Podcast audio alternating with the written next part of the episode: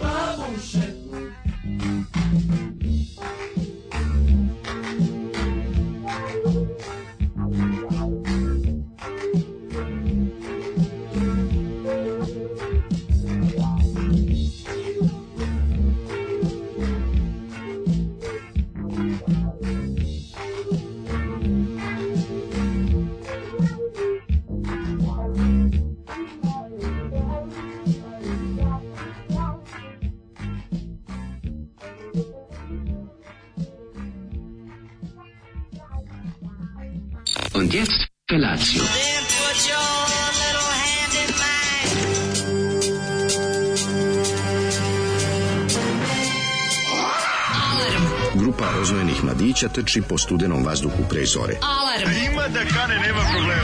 Svakog radnog jutra, od 7 do 10. Hajde, Geri, jako se velda.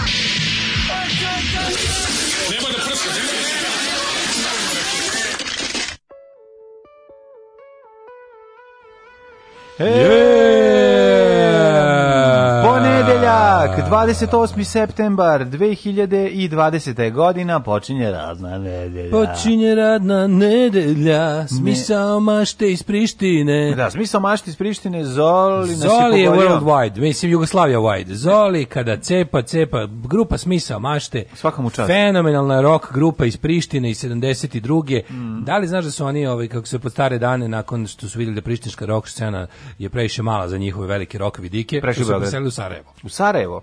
Gde su postali prateći bend u solo karijeri Sjeda Memića Vajte.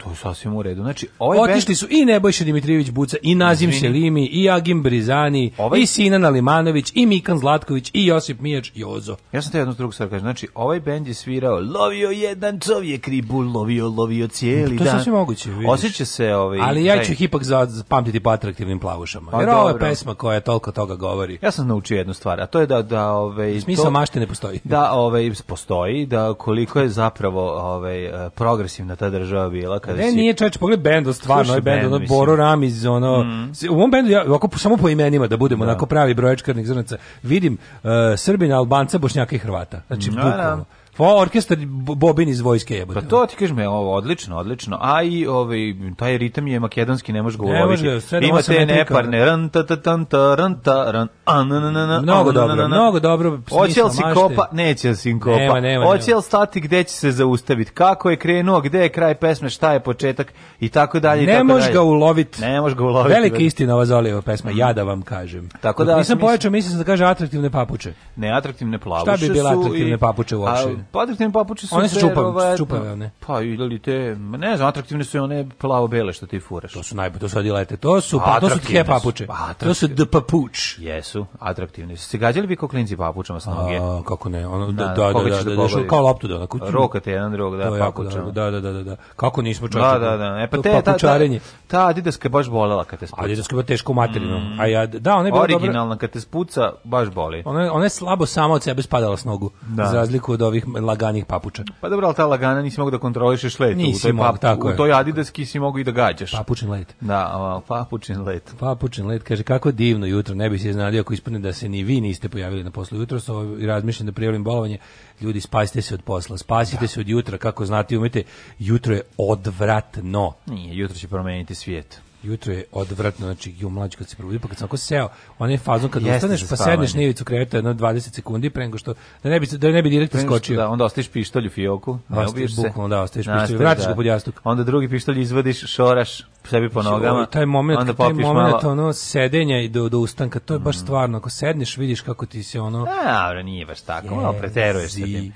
Preteruješ, a možda bilo, disljivost je velika ovog jutra. Znači, kad izađeš napolje ima nekako je sadržaj kiselnika u vazduhu je ogroman, ovaj, ozon takođe prisutan, sve onako, Mislim, lako je za disanje, ali teško za ustajanje. No, to je svaki ponedjeljak naših života. Pa sam Mislim, ja, kakav sam ja projekat započeo danas. Šta si krenuo? Hoću da, hoću da, hoću da ne jedem mlečne, hoću da ne jedem mlečne proizvode jedno dve nedelje. Da imamo će mi, da imamo će mi biti bolje. Će ti manje naduto i odvrtno i crko da bog da. Šta bi ti možda treba da Pa to popraviš? ću, sad ću to da probam. To je sled, to dan, to, to, to, to je sada. Da znači sad mlečni proizvodi. Ono, da probaš ono intoleranciju na gluten. Možda te to No, nadu, kako nadimava. Ma nije gluten. Pa možda mislim da, to mislim da je, mislim da je, znači, iz, lišit ću se najlepše namirnice koje ljudska vrsta Jogurt? izmisla. Sira i jogurt. Sira i jogurta, da. Ne viš kako će da budem nervozan za dve nedelje. Mrzit ću si još više nego što mrzim. Ono. Pa da vidim da, da vidim da nije možda Pa to. uzmi konzerve, po ove ribe, sardine, Pa da, pa, to je. se, jeće se govno, Pa, što da, da, da. I tako.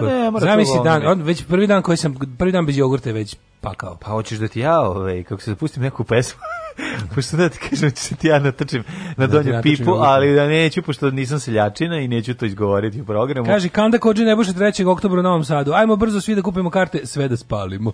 A, kanda, sad je to taj Dragiša, kanda kođe nebeša, kako me taj ovaj, brod, taj Titanik zaobišao, to je Ju, ja, meni nije zaobišao, ja sam ga gađao torpedom. Nisam, ali ja nisam ne, pogodio. ma kak, mene baš Zozo, ono- to su ti Mada moramo, ono, 40. jedan po, jedan pomoranđe, ni.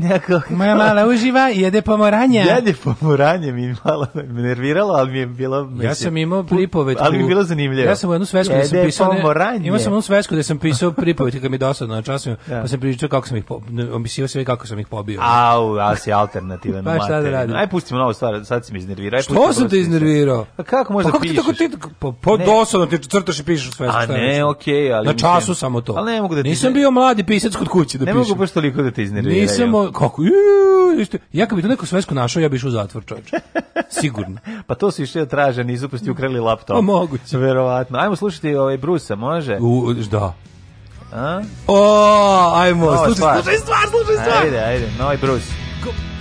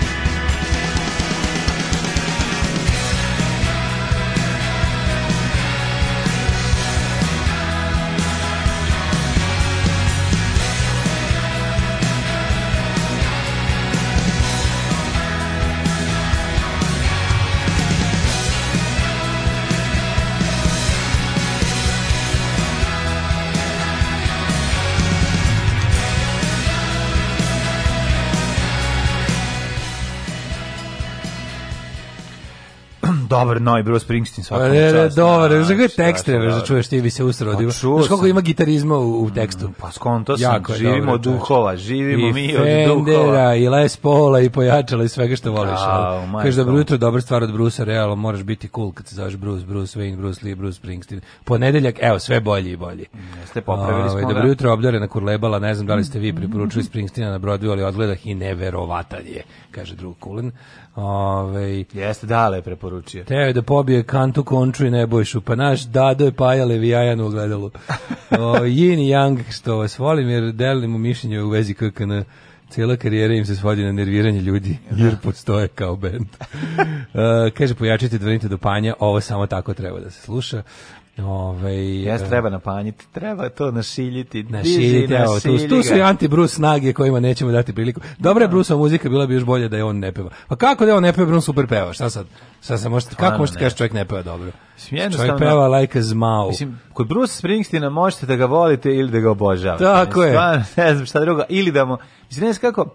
You can call me antisocial. ali stvarno Znaš ne to? mogu You da- can call me antisocial, Da. but just don't call me. Da, ali ne mogu, ali čekaj, mislim, aj, sad realno, ja mislim čak i ljude koje kojim njegova muzika ne dotiče, ne može da ih nervira. On nije Ne čovjek, kako može da on nije nervira. čovjek koji Ne nervira. vidim E, kako može da nervira Mogu da kažem, ono kao jednostavno zabole me. Mene to ne zanima, ne delim taj sentiment, nisam ono kao du- Da. na drugim talasnim dužinama sam, da kažeš što me nervira, kao tipa ne Da, mogu da iritira me. da. Kako što iritira Springsteen, stvarno Da, ne znam, da, ono da. kao, to je nešto... Dok recimo jede pomoranje, to ne može da te ne nervira. Tako, ako Mislim, si čovjek, ako si ako čovjek imaš nervira. ili ljudskog u sebi, nerviraće. tako je, tako je, ruka opet, sama znaš, kreće ka viljuški pa i što oku. kaže, neke stvari koje nerviraju mogu biti dobre. Recimo, kao kao Butthole Surfers Hurdy Gurdy Man. Mislim, nervira, ali je dobro terate da slušaš. Ali razumete, to, u tom smislu sam da kažem da postoje Da li si i različite, danas na listu? naravno, da postoje i, neki, i, i različiti stepeni i, i načini A nerviranja. postoji i postoji i prijatno nerviranje. Prijatno nerviranje. U fazonu kao jel moguće da ovo slušam. Znam, Da. to je sve. Sve to Život postoji. je lep, mislim Život je lep kad sunce sije Život je lep, samo nije lep u 6 i 10 ujutru. Život je lep. Tad nije ništa lepo. Kad svaki miris, slatki miris širi orgovan i tako i dalje i tako To dalje. je ona moja, ona moja misao koja šta god lepo da se desi. Znači,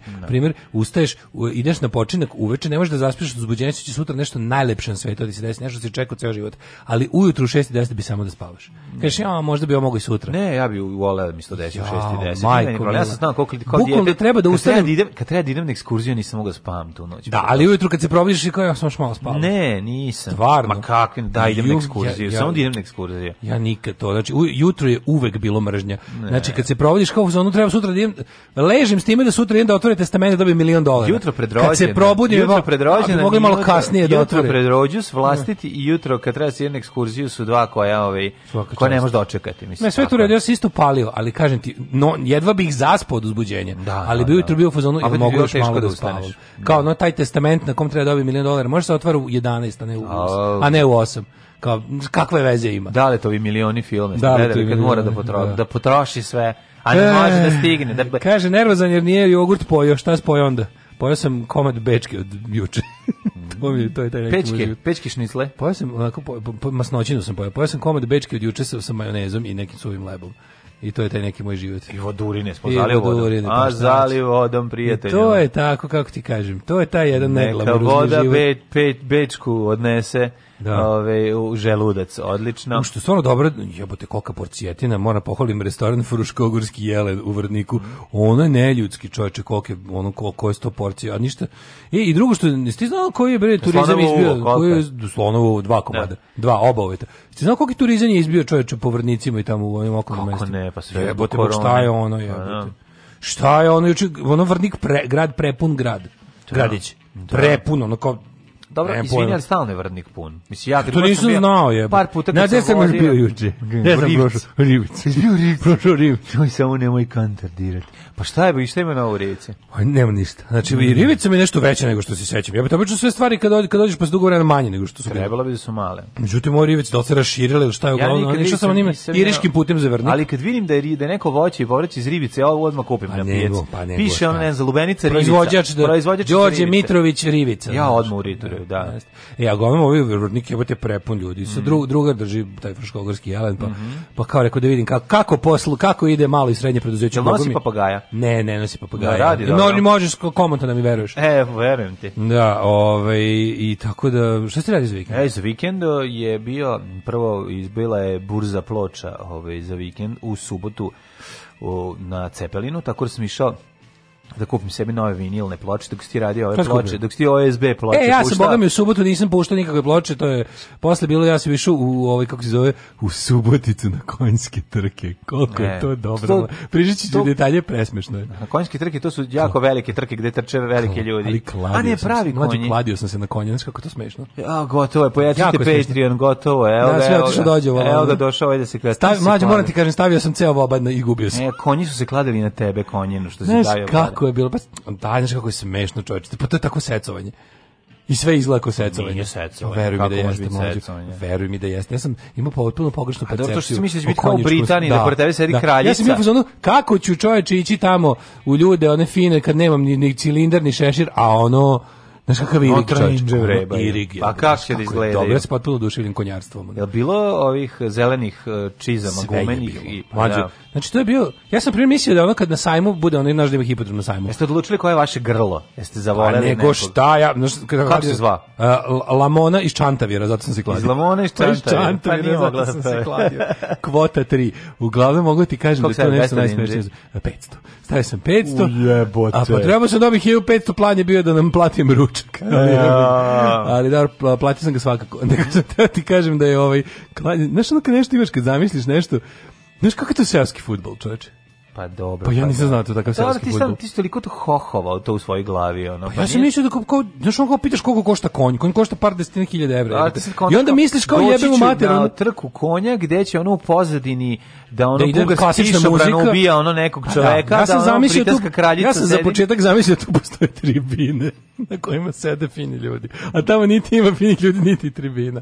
Znači, to je prvo. Stavi Nasloniš na ogradu. Nasloniš se na ogradu. Pa, naravno. da. A ne, sve je zapravo sajam. Ja sam, ja, meni to nije bio prvi susret s konjskim trkama. Ja sam jedno video. Ali kažem. sam bio na sajmu, ja sam mislio kao ovo su te sajamske, neka kao socko varijanta za, za ono radnike, seljake i ono. Kao, tipa kad odeš na pravi Ja hipodrom, to je mnogo bolje. Ja sam prisustvovao kada je Zvonko Bogdan... Ovaj, pa ovo je bila se- trka čeza. Umali, umalo se sudarivši sa drugom čezom viknuo on pored.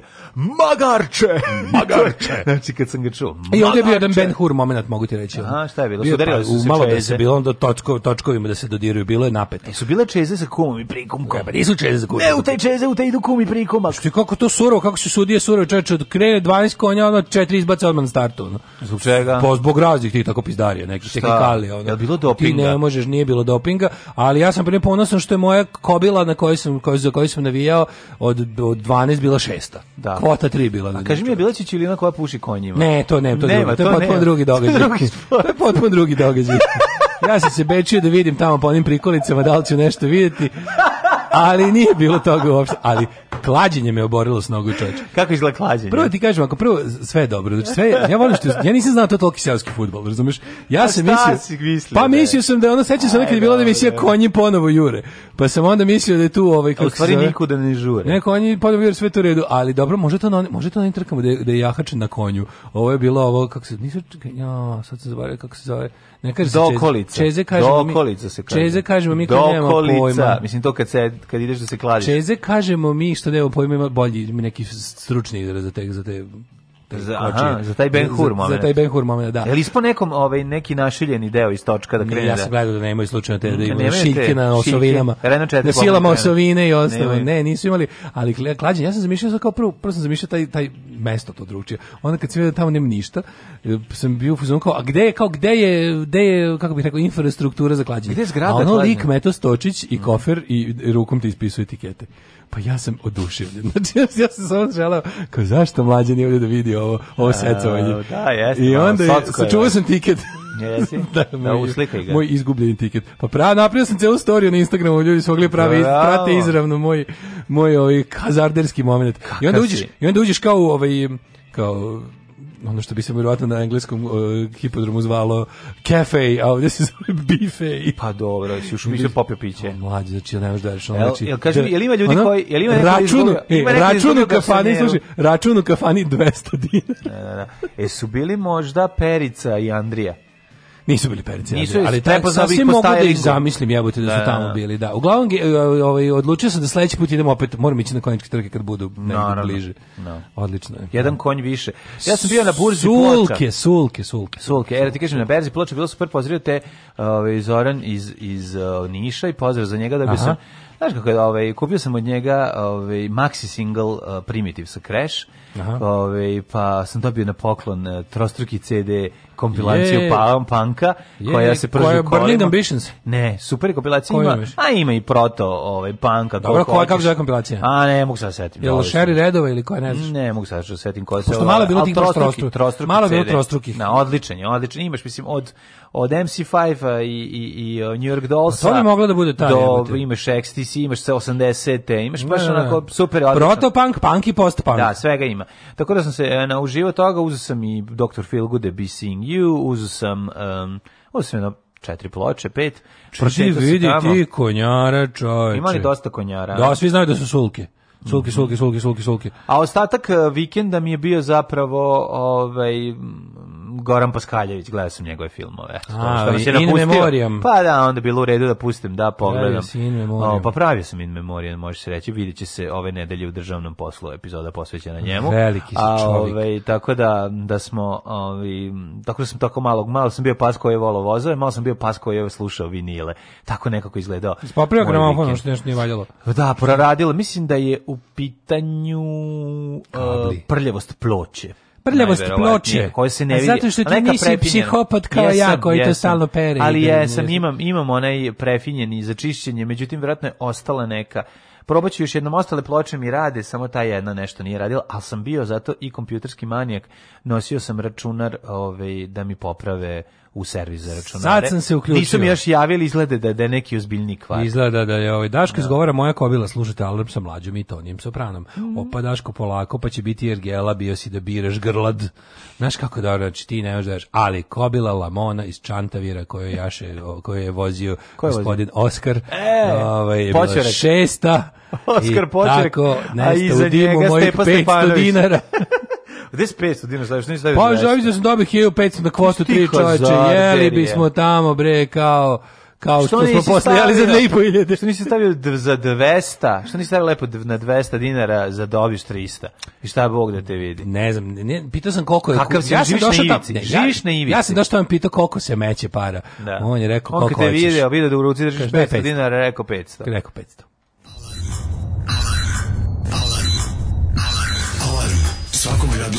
7 do 10 sa mlađim i Daškom. Alarm.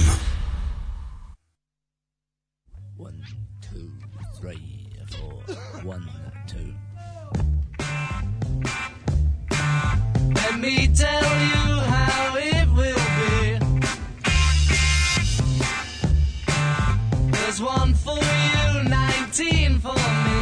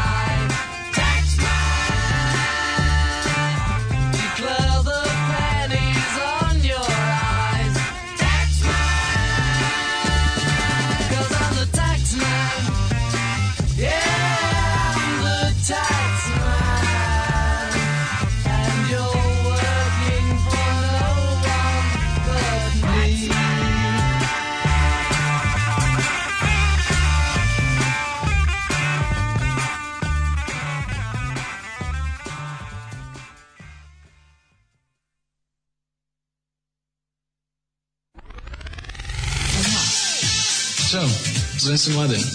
O čemu hoćeš da razgovaramo? Možemo da pričamo o čemu god hoćeš. Za početak, ja sam Jelena. Alarm svakog radnog jutra od 7 do 10. Od 7 do 10.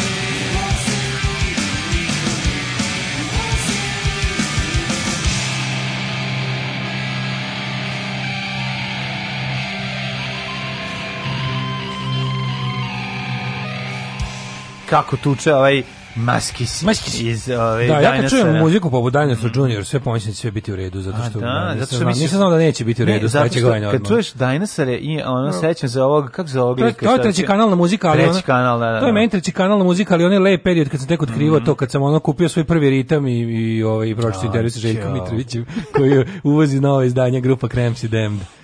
Znaš, ono kao i na iste strane sam čitao Zdenko Franjiću i Željko Mitroviću ne znajući da će jedan Da, da, da. biti govno kojeg se nećemo tarasiti nikada, ono. Šta nikad, kupit će To te. Nisi ti rekao, Daš, e, Željko je kupio ovaj, Daško je mlađe radio. E, jeste? Juče e, sam bio ja kod njega, pregovarao sam, Ja dao sam, mi- ja sam, meni zapravo bude Mognje Namidžić. Šta će ti biti? Ja, ću biti, ja idemo odmah u reality, da ne moram da plaćam stan. Ove, šta drugo da ti kažem, pa ću da kao lepi mića da buncam, da buncam i da psujem u za- snu. To, to je najgore kada ne moraš ni da gledaš te stvari kao što su ti reality programi, doći će to do tebe ovako ili onako. Znači, sad kad si vidio kra- kratki klip da se lepi mića svađa u snu.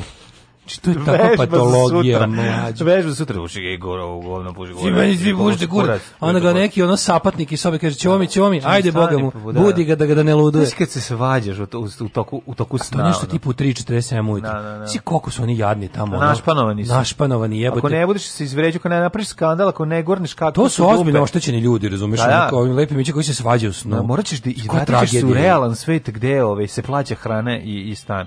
A ovde je to besplatno. Imaju tri stepena, imaju taj, u stvari taj, taj svet snova u kom bi trebalo da odmore od svog jadnog života. Onda imaju taj polu, po taj, taj svet u kom oni trenutno žive, to je taj limbo u kom se ono nagrađuje neljudsko ponašanje. I treći je taj stvarni svet u koji ne smiju da ispadnu. Ne, sve ni slučajno da ispadnu, mislim, to je realno. Tako da ono u fazonu, znaš, Tamo će ih kolima ali tužno je što, ovaj, što je bar mogao da i njegov sin su mogli da ih ovaj kako se zove da, da mogu bar čovjek malo da odmori dušu u snu ali ne da mu se. Ne, ne da. E da su Perica i Baš Andrija mi se ne da. bili na konjičkim trkama, ne bi ti ta kolaka uporedio sa fudbalom, vidio bi ti šta je stil. Ma da, vidio je bi stila, da, da, da, da. Odlično. Ne, nego meni zapravo šta mi je, šta mi je ovaj moje pitanje je sledeće. Ti konji koštaju, to su konji koji koštaju desetine hiljada evra. Su ono ozbiljna trkačka grla, znaš, ne znam kakve konji. Ono. Kažem li ima i onda mi nogu? ima trkačka, naravno. samo A grla koje idu. Jebeš grlo bez nogu. Ne, ja to se te pitam, je li to samo grlo? Konj pa ima rupa, gledaš kroz to? Ne, baš ima ispod grla je telo. Ispod te- grla je telo. Ceo pa konj to. Kaže kao ide o, grlo tvoje, ja stalno tražim gde su ta, Ceo konj trka grla. Ceo konj se koristi u, ta, u, u konjičkom sportu. Grlo samo u mesari konjičkoj.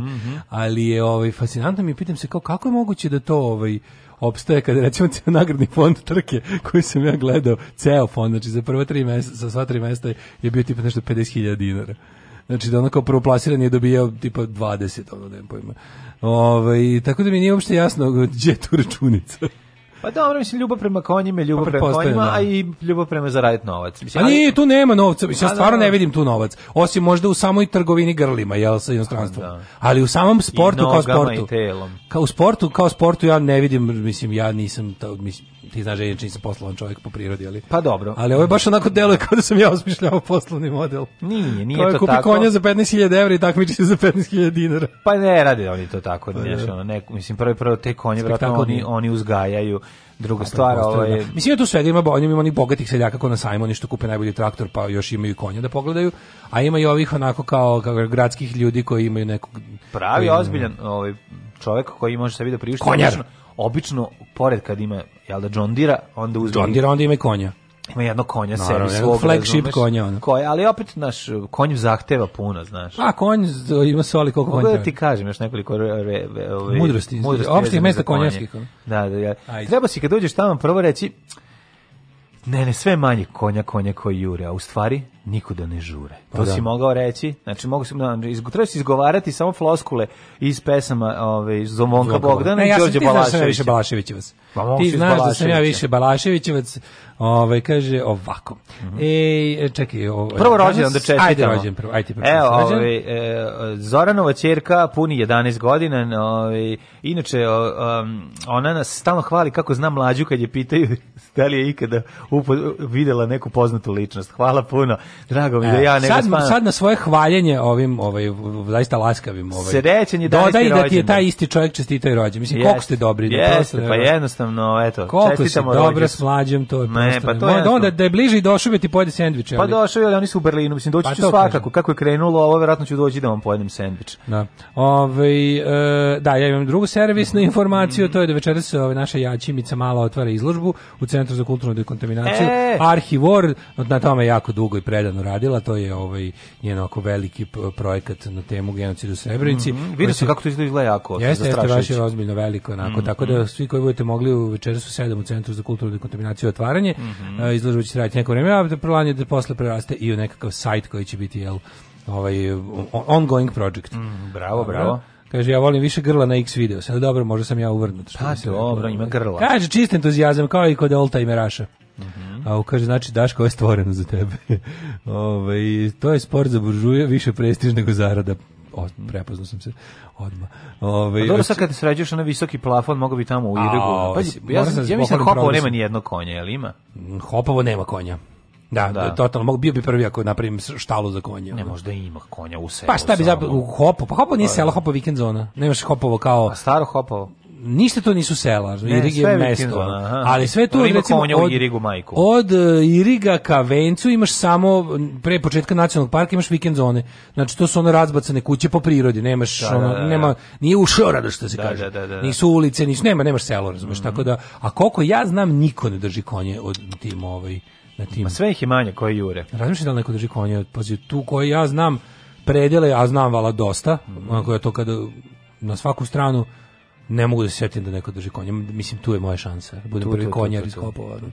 Ali evo, napred, ovo završi, Ali ovo, moram- hvala Bogu, završio Gipsar. El Gipsar odradio svoje. Jeste. Ko sad ulazi? Ostavimo u suzama, ali otišao. Ka, ko sad ulazi? Ko je sledeći? Sad nema više, sad još Gotovo. Stvari da, sad, sad, sad, sad preuzimamo, sad dalje, dalje ovaj DIY kreće, a ovaj, kako se zove, mogu bi neko stručan da izgleduje one zidove malo, ali ovaj, vidjet ćemo još o tome, može se odlučimo i na samo, samo gletažu. Nemoj platite nekog da uradi to Pa, ljudski. mislim da da, mislim da ćemo morati. Platite, da, da. nemojte ljudi, ono već ako Ali- sve je tako sređeno, neka izgleda kao Jeste. apoteka. Pa ne, sve je to super, ali ti znaš da svaki sastanak s majstorom je, kako ti kažem, ovaj, manje mesa na stolu.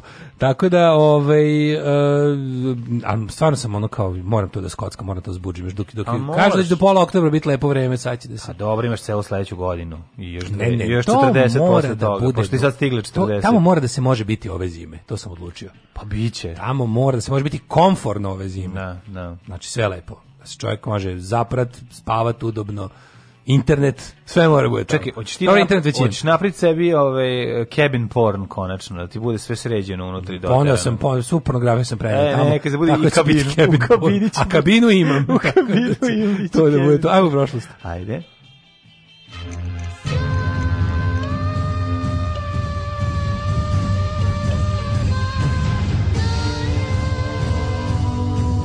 Dogodilo se na današnji dan.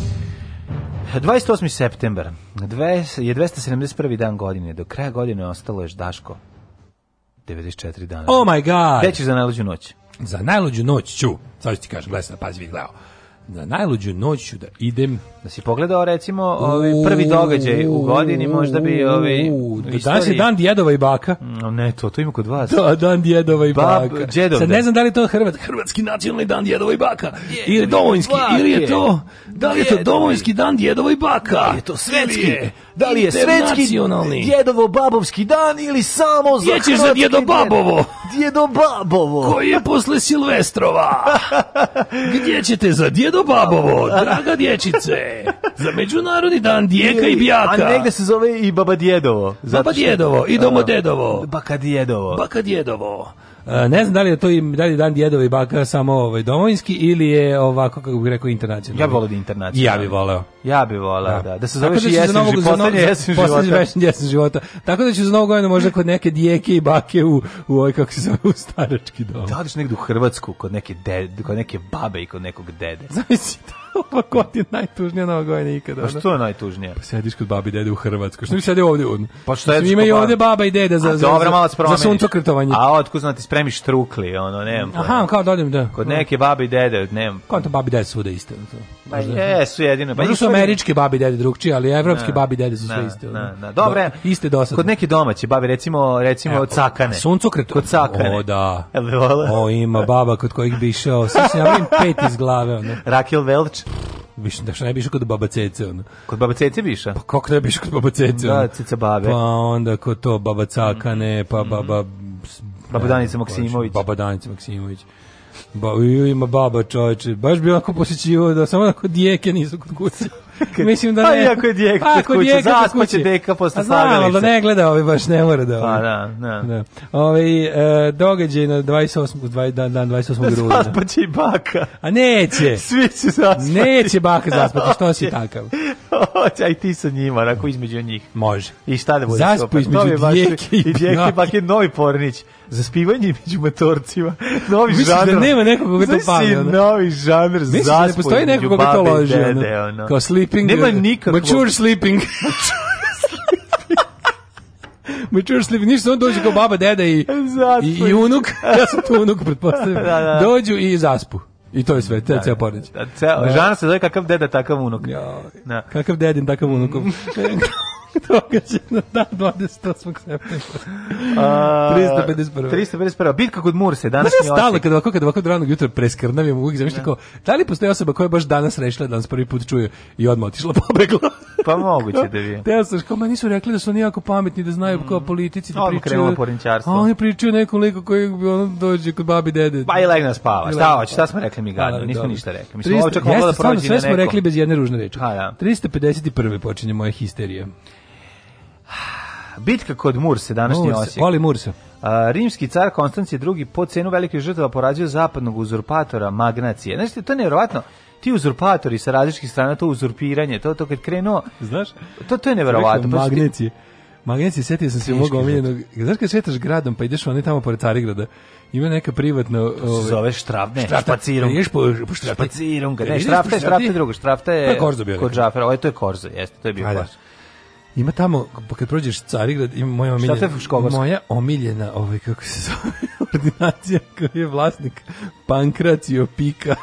Sve kad vidim, kad prođem tu da umirem na Piše Pankracio. Pankracio Pika. Vlasnik Pankracio, doktor Pankracio Pika. Uvijek pomislim da to se tu, da tu stoji još od drugog veka nove ere, ordinacija.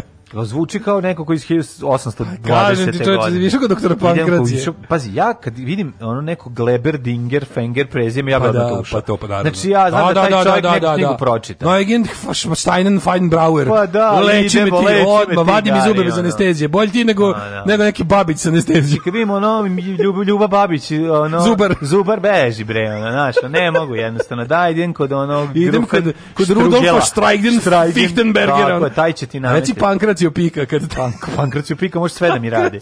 Pika Znači, Pankracio ne može da mi popravi bilo koji deo tela. primetio Pankracio Piku kod Carigrada, mog omiljenog doktora u gradu. Sad će biti ono da Pankracio ono neka oboljenje. Nije, ono, Pankracio Pika, zove Da, se... da, a Pika karticom se plaća. Ne mogu se kako Da. se zove ordinacija, ali Ne, mislim da je u pitanju kardiološka. Ovaj, i- Pa to ti kažeš, mora biti nešto da zajebano. Mislim, Pankracio Pika. Nešto kar, nešto Leči ono vitalno. oči kroz bulju. Nešto vitalno. Znači, ono, pa da. Ovaj 365.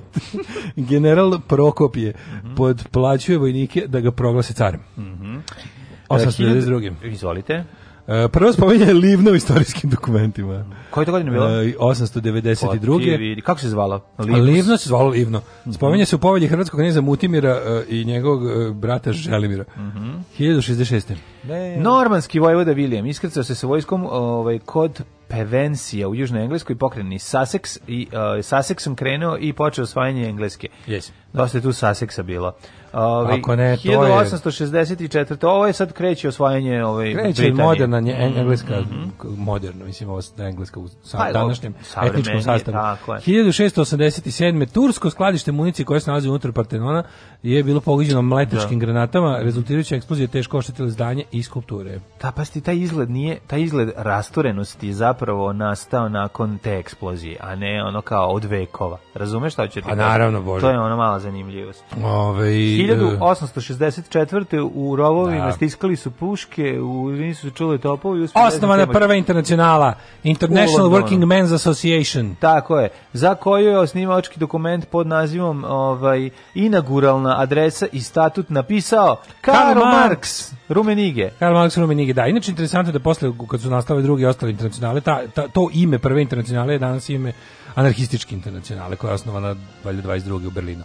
1944. 28. Škotski biolog Aleksandar Fleming je otkrio penicilin kada je otkrio da ova gljiva ubija bakterije u njegovoj laboratoriji. Kako je to velika stvar? Koliko je to velika stvar? Kad je, Znači, pa onda, je, otkrio onda je dao da pe- šta par radi ampula toga, ovom, kako se zove, Amerikancima da ponesu na putu kući iz Grčke preko teritorije koju moraju se prođu teritorije da je zuba četnik drži i da ti ne priča sa A, Srbijom. tako ide, jel da? A to je, to su topovi from na... Ne, topovi- druga. Four Stand from Navarone. Kako se to zove? E, Snaga 10 s Navarona. Joj, da. E, 44.. 1944. jedinice Crvene armije u drugom svetskom ratu prešle u Srbiju na osnovu jugoslovensko-sovjetskog dogovora. Kad su nam došli Rusi da nam pomognu. I boga mi koliko je Rusi izginulo jesu, vala oslobađenju Da, da. Srbije. 1949. Moskva je jednostrano otkazala ugovor o prijateljstvu uzemne pomoći SSR i Jugoslavije. Pa onda Što su 51. potom učinile i Mađarska, Bugarska, Rumunija i Čehoslovačka i krenula je rezolucija IBA ove, odnosno... Ne, to je već ranije, ta je rezolucija doneta ranije, Da, 48. 48, a ovo je da. njena Pa implementacija. pokrenuta je, da, Ovo je da, njena da. implementacija. 51. U Argentini ugušen pokušaj puča protiv Perona. 58. Mm, Izvolite. Francuski je održan referendum na kojem je prihvaćen novi ustav, čime je počelo razdoblje pijete republike. 65. Prilikom erupcije vulkana na Filipinama 56 km južno od Manile 184 osobe izgubile život. Jeziva smrt u ovaj pepelu. Uh, 1969. u Gunji sagrađena prva džamija na području Hrvatske. I ja znam da tamo... 69. 69. prva džamija, da. Ima džamija u Rijeci, ona, ona neka svemirska, znaš, ona je jako lepa. Svi vidi Novo? puta. Nova, nova, da, ima tamo negdje, baš onako izgleda kao svemirski centar. A i ti znaš da te rakete tamo kad stoje, ovaj, minareti. Da, kako je minareti rakete. kao da će da polete. 1988. završava se šahovski turnir u Tilburgu. Pobedio Anatoli Karpov. Tako je. A 1990. u Skupštini Srbije usvoje nov ustav kojim je ukinut komunizam, uveden višestranački politički sistem, a pokrenje pobjedina Kosovo izgubila atributi državnosti i postale teritorijalne. Kirov kurac za, Tako za, je, za je. pljačkanje i maltretiranje, od kojih je jedna je. rekla nećemo tako i krenula oružanu borbu za izdvajanje. A, iz Srbije. krenulo je novi, em, novi način pri popularnog prisjedinjenja. Krenulo je prisjedinjenje, Da. koje je rezultiralo u tome da jedna pokrena za, za sada ostane u Srbiji. Vidjet ćemo kako će dalje ići. 1992. masakr u Boljakovom potoku, ne znam šta je. Njezivo. A, 94. U nevremenom Baltičkom moru u blizini Finske obale potonuo feribot Estonije usmrtivši 852 osobe. Više od 900 piše ovdje. Strašno. To je najveća mirnodopska pomorska nesreća u Evropi. Mhm. E, pa kaže ovako, 98. posle dve uličnih nemira i nasilja koji su zapretili će oboriti vladu silom, albanski premijer Fatos Nano podneo ostavku. Mhm. 2000. Savezna izborna komisija saopštila končne rezultate predsjedničkih izbora prema kojima Slovan Milošević i Vojislav Koštanici idu u drugi izborni Da, krug. da, da, I da su onda rezultati tananana, falsifikovani. nema drugog kruga, nema. Da, da, pristupnice dola se počele masovne proteste širom zemlje, tako je 2000. 2000. počela nova intifada, palestinski Da, da. ustanak. E, 2001. Savez nacija ukinuo sankcije Sudanu, uveden 1996. Pošto je ta zemlja odbila da izruči sumnjičene za atentat na egipatskog predsjednika Mubaraka, 95. u Etiopiji. Ukidanje sankcija tražili Egipat i Etiopija. 2014. na Berlinskom maratonu oboren svetski rekord u maratonu Za koliko je stigao? za jako malo. Znači, moj rekord u maratonu bi bio 2 km. Za koliko je? Od 42 km. To ste, koliko dugo je Filipid trčao? Mislim, Koliko je za to trajalo? Da, da, da, to ne to niko znamo. ne zna, ne zna Znamo da je preto 42 km da je 100 umro. metara, da. I da je umro. I da je umro. Da, da, da. Što A- je jedini normalan ljudski rezultat maratona, sve ostalo su neljudi. Da vidim koliko zbrz. Svakog radnog jutra od 7 do 10. Alarm.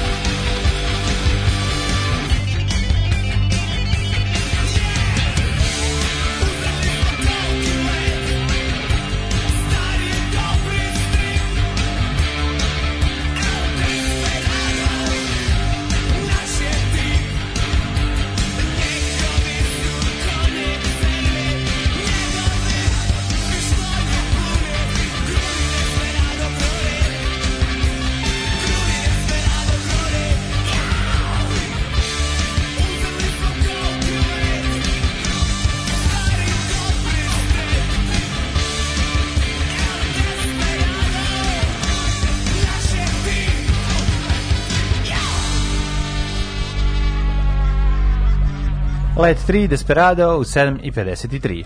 Evo još fanova Pankracija Pike, Mhm. ovaj, koji obožavaju isto tu tablu i gledaju je godinama. A, to što ste vi pomenuli već postoji u Japanu. Sastoji se toga dva muškarci i dve žene dođu kući s posla, napiju se, poskidaju i tako legnu da spavaju. To se stručno zove, i onda smo dobili kako se stručno zove, Japanski, a čita se Shogiobi ili ti radni dan. O, majko mila, kaže, Pankracio ne može da nema monokl, prsten sa burmutom i sedi u fotelji. Ima u 19. kome nož. Da, a od crvenog somota i češka se češka po glavi ruskog hrta, dok izgovara, sad nima šta izgovara, Ovaj tetofilstvo u 40. godini gubi smisao, nema tu više te perverzije, u 40. je klasična babofilija, ajmo generaciju, mi smo pravo društvo. E, da, kad dođeš kod njega, on izgovore, koja je vaša boljka, mladi čoveče? Da, ja, znaš, znaš ko je Pankracio Pikova iz džinglova? Ovaj? Pankracio pik, e tako jeste, jeste ovaj džinglo. A gledajte prvo ono, prvo te ono, Koja je vaša boljka, prvo te pet minuta samo gleda, ono da, da vidi, da utvrdi na osnovu, Vas boli slezina. i vidi kako su to znali, po žutoj boji lica, te upalim očima, može se zaključiti bez dodatnog pregleda da imate upaljenu slezinu. Jeste. Ove, um, Hopovo nije selo, Hopovo je stanje uma. It's a state of mind. Oh, is not a fashion, it's, a real, life. Da, it's Što my bi se profession, što reklo. bi rekli skinsi, da. U, jako dobro, it's not a fashion, it's my profession. Da, da, da. Ju, što dobro je. Ove, Šta je dobro? pa da i taj pa tekst. smo i zabavali za one matore skinse što ne odustaju. Da, is to not a podržavam. fashion, It's my profession. Odlično, Da, da. sviđa mi se. Sviđa mi se, ovaj, moram i ga napišu tu pesmu. E, da ćemo rođene. Let's go to the rođene. 1803. teko me, daj nekog starog No, hrvatskog, e, šta si ja- prastarog hrvatskog I madem Ignacija starog, e, pra- pankracija. Pankracija. 551. prije nove ere rođen je Konfučije, italijanski, mm. italijanski, kineski filozof i reformator, čije su učenje bila i ostala vrlo značajna širom istočne Azije. On nije otac Konfucije. 1573. rođen je Caravaggio, italijanski slikar. A što to bio probi svet, majko mila? Kravađu bi da je. Znaš da on mora pali na Maltu jer je ubio nekog u Italiji. Jel jeste? Da. On izbuo nekog lika nožem u kafanskoj tuči oko, oko ovaj, glazura i premaza. Mhm. Onda je otišao na Maltu. 1670. rođen je Petar Bakić, sremski, bosansko-đakovački biskup, a 1725. Artur Guinness, osnivač istoimene irske pivare. Guinness pivo, da. Hvala, lepo pivo, Lepo majko, pivo, ali ja pivo. nisam neki, ne bi, ne bi ga naručivao. Stvarno? Pa da, Ja ga baš volim, baš, baš.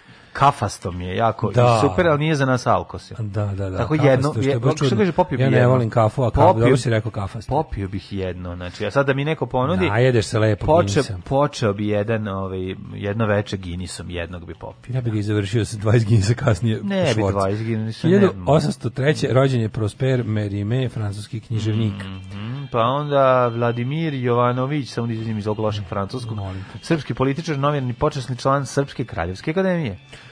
Georges Clemenceau, 1841. političar, predsjednik vlade, ministar rata u sudbonosnim danima Prvog svjetskog rata. Jeste, jeste, i mislim da Clemenceau, jeste, Clemenceau je posle odlazio vozom na ove pregovore o kapitulaciji Njemačke. A pretpostavljam. 52. je i bio je u vagonu u Kompjenu. E, Henry Moissan, francuski hemičar, rođen je Vojislav Tankosić. E, Voja Maja Tankosić. Ti ne znaš, brate, za njega. Znaš da on Išamaro Čerčila? Išao Ti na znaš da on Churchilla. Išamaro Čerčila na željezničkoj stanici ima evo komemorativne 011 shop majice Šamar Imperije ima da se kupe. Dakle, to je istina. Inače bio Crnorukaš, jedan ovaj, od učesnika najviših istorijskih događaja ovaj, u, Srbiji od majskog prevrata do sarajevskog atentata. Ti ne znaš šta on radi, on je jebu Tita, pretuko Da. Čerčila, pušila mu engleska kraljica, on ne znaš je šta je radio, znači ba, bio je onako baš srbenda. Na, A dobro, to sad su se ovi uvatili da ga razlače ko što razlači Gavrila Principa, šta da se radi. U to vreme bio nije je ovaj, smelo. bio je jedan onako od viđenih ovaj, voj, v- v- v- ljudi u, u pa možete reći u u vojski. pa u vojsci, ali mislim s obzirom da je bio član Crne ruke, to su bili to bila država u državi, zar ne? Pa da. Da. 1898. Mate Balota, Mhm. ekonomist i književnik. Uh, Ed Sullivan, 1901. TV voditelj, čuveni Mhm. Ed Sullivan. Kod njega, kad se, pa to je bio najgledaniji show na, u Americi, znači u udarnom terminu. Kad se pojaviš kod njega, znači da si ono, svetski poznat. Mhm. 1905. Max Schmeling, nemački bokser, svetski šampion u teškoj kategoriji i onako ovaj, u, po, u vreme nacizma jaka, jaka propagandna figura. Inače bio je Falšir Mjeger, da li znaš da je on bio Jeste, padobranac. padobranac učestvovao u invazivni krit. Nemoj zezati. Da, da. Nisam to znao. Uh, 23. rođen Marcello Mastroianni. 24. kod mene piše italijanski glumac, bio je ovaj, e, preminuo 1996. u Parizu, nagrade Britanske filmske akademije. Da li ti znadeš tko je Ivan Tomislav Međugorac? Ne. Fratar, znanstvenik i pisac. Tako, volim kada je sve to. Brigitte Bardot, 34. Hidraca, francuska glumica, pjevačica. Koja na obali model. reke ti se pere Jese, ono, grudi. da, Brigitte Bardot, što si luda, tu je Daško pravo Da. b- OSB ploče. Jeste, A, 1936. Brigitte Bardot je jedna stvarno ovaj, Imam ikona lepote, pre, preslatka. je. Koliko dobrih svećenika imam danas, čovječ, moram sve pročitati. Vječeslav Šupuk, svećenik te javni kulturni djelatnik. Najveći deo života se bori za zaštitu životinja. Sećam se. I, i, i, se i rasistkinja u, u je- reci 80 i rasistkinja jel je jeste, i odvrtna onako osoba Da. Znači, 80 koja neke tvrdi da u, u Eureci čitam u Bukovcu o tome kako ona grli nekog glava, nikad ne zaboravim tu sliku i ona kaže i onda ljudi su 90-ih govna, otkriva Jean-Marie. Le Pen i učlanjuje se u nacionalni front. Naravno. Da, i biva kandidatkinja čak na nekim lokalnim izborima. E, Ljubo Stipšić, glazbenik, skladatelj te folklorist, Ben Iking, 1938. Jeste, mo, je soul pesma? pevač, ritam i blues, jeste. Najpoznatiji ne znam konje. Pa Stand by me, verovatno. Stand by Pa, me. da, When the da, dark kaže? and the nail end is dark. Ne, ne, ne, nego ono, ono, me, ono što smo našli, ono, Da, svesku sa ispisnim napisano, tekstovima. da, da, da, da. And the land is da, and the moon is the only light we'll see. Super stvar. E, Edmund Stoiber, ba, bravarski, poli, bavarski političar.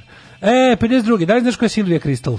Holandska glumica i model. Poznatija kao Uh, ne znam kako je pre. Emanuela. To je Emanuela. Glumila Emanuelu, Silvija Kristal, čoveče. Da, da, znam da je ne, pre neku godinu. Evo, preminula. kad se sećam čekanja da vidim Emanuelu, ono dođem on kao, pa šta je ovo, ono, sranje neko. Šta je sranje? A ja očekivao, mislim, ja, sad, ja sam prvo vidio hardcore pornić, pa onda, pa onda Emanuelu, bio sam pi, ne, valja. Hardcore pornić, posle si video ovaj ritam i blues pornić. Pa, to ti kažem. A Sani polako, A. Harun ono. Šestić, bosarskog, bosansko-hercegovički vas. Ja sam je voleo, mislim. 59. godište. I meni, to su bili među prvim pornićima koje sam video. To nije pornić, to je soft. Pa, dobro, to je erotski soft, film. okej. To je erotski film. Tu kad Dobro. prođe goli muškarac, čuna mu mlohava. Da. Ja, 67. Lepa, slatka, predivna Mira Sorvino. Jo, kako je slatka. Na, no, Mira Sorvino je preslatka. E, Mika Hakinen, 68. Inače, bivša žena ovog Koji čega? o, ludaka, kako se zove? Ne znam. E, e, e, ne mogu se setim. A, m, reditelja, bre. Reditelja. Inglorious Bastards. Tarantina? Tarantina, da. Oni su bili u braku. Ja mislim da jesu. Stvarno? Ili sam ja možda pogrešio? Što nisam znao da je bio Čekaj, čekaj da željen. kliknem, Stani, Nisam znao da je bio željen. Čekaj, mi možda sam i pogrešio. Sad možda sam se izlupeta. Čekaj da vidim. no, Nešto mi to čudno. Nomi Vod, 68. glumica, pa onda Dita Fontiz, 72. Inače, ovaj, ovaj sajt možete pogledati samo na engleskom jeziku. Oh. Ej, Oh my da- God, nađe ću, a? mislim da je bila udeta, možda Na sam lupio. današnji dan možda bili u vezi. Znaš da da je Ne, bio, ne. da je ovaj bio željen. E, bili Marijan Marković. Možda su bili momak i devojka, to su srce ne, ne, dva. Ne, ne, Vili Kabaljero, futbaler, Aleksandra Njukov, futbaler, pa je onda rođen Bojan Jambrošić, hrvatski pop pevač, čumeni, Hilary Duff, pevačica, Pevačica. Marin Čilić, teniser, Ej, I- Emeka Okafor, američki košarkaš. Odlično. Umre naš dan. 48. pre nove ere umre Pompej, rimski vojskovođi. i političar. Egnej. E, 1687. François On je imao gnejnu anginu, ne znam da li to znaš. Da, Karl Ritter, geograf, pa onda je, e, ovaj, Mokranjac, u 1914. 1891. Herman Melville, književnjak, Louis Pasteur, 85. Kaže da je na današnji dan 1895. poginuo ovaj, Boško Buha, a mislim da je to bilo juče, ako se ne varam. Mlađe, hoćeš, hoćeš da te izneriram najviše na svetu. Ajde, šta? Na Jabuci da je, ovaj, kako se zove, e, pogin, da su četnici ubili Boška Da, Buhu i još da. nekoliko klinaca. I zasede. Je, ovaj, e, tamo stoje stavio pionirski dom i njihove biste Mhm. tih narodnih heroja ovaj, iz tog kraja. Oni su, ovaj, na, ovaj partiz, pionirski dom izgleda kao da su ga ono prilike. Izgleda kao crnačka crkva Da na je jugu Amerike. Kao da je Hitler Jugend pravio Mhm. žurku u, u pionirskom domu. O spomenici su ono zasu, zasuti đubretom i ono neki su čak sam čuo da su i premešteni, Mhm. a na centralnom mestu to, tog tog inače spomen obeležja sada I spomenik stoji Četniku koji ga je ubio. da. Ne znam, da, da. Stoji spomenik četnicima.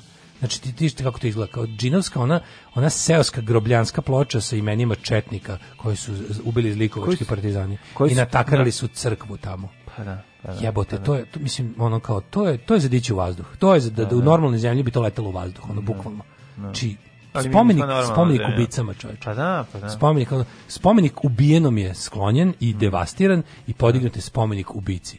Tako je, jebote.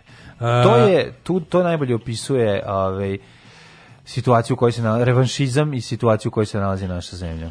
Hoćemo li mi, juče gledamo isto ne utisak emisije, hoćemo li mi vidjeti jednu malu instancu pravde za života? Nećemo Ono, vidjeti, jednu nećemo. bar. Jučerašnji- Hoćemo vidjeti bar pad Vesića. Hoćemo vidjeti Vesića poniženog u katranu, periju i zatvoru. Nećemo. Hoćemo bar to vidjeti. Nećemo Pa toliko možemo Pa kao ljudi. zaslužili smo kao Pa ljudi, ali možemo kao nećemo. ljudi toliko da, da, da ostvarimo ono kao. To su minimalni do, ciljevi ljudskog dostojanstva.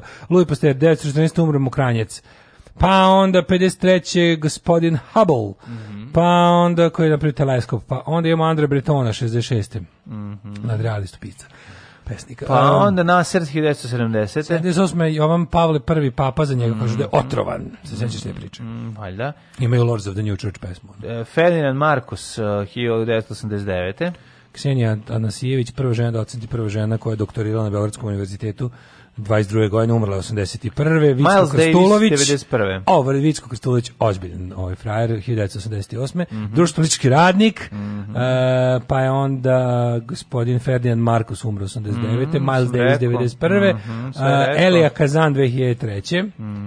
I Šimon Perez 2016. 2017. umre Predrag Ejdus. Predrag Ejdus Da, nas napustio, jedan da. najvećih glumaca. Jeste, jeste. Žalac. Samo napred Beograđani, nadam se da će da upadnu u RTS, da uzmu kasete sa srećnim ljudima i da ostalo sve poruše. Alarm. Alarm. Svakog radnog jutra od 7 do 10 sa mlađom i Daškom.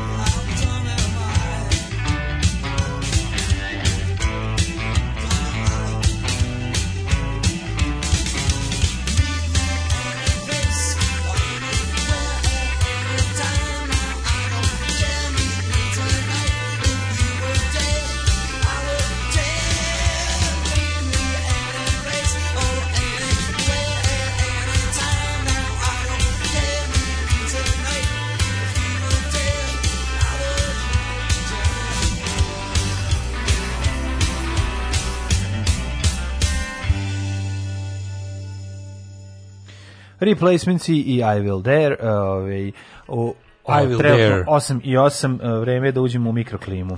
Vreme je samo da vidim šta radi Zoka, najjača matorka u Novom Sadu. Samo idi, pogledaj, evo sad smo u- upravo na Burek forumu videli Zoka i Zoku najjača. najjaču matorku, najjača matorka u Novom Sadu, dosta je ovako zanimljiva. Dosta jaka. Da, jaka, jaka. Ne znam da je najjača, ali je među jačima. Ti gledaj, ja ću za to vreme da vidim šta radi naj, najveći matorac u, na svetu. Najjači matorac, Najjači matorac u surovom svetu, ove hidrometeorologije. Tako je, tako je.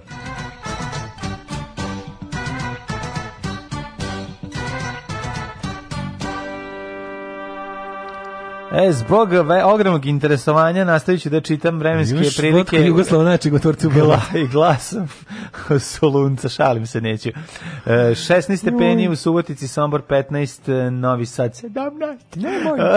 Banacki Karlovac 18, Loznica 11, Viti Loznicu na 11. 17 u Sremskoj Mitrovici, Valjevo 19, Beograd 19, Kvagojevac 17, Merevska Palanka 18. Svuda je pretežna oblačnost um, i svež, svežina. Veliko gražište 18 i Crni vrh 7.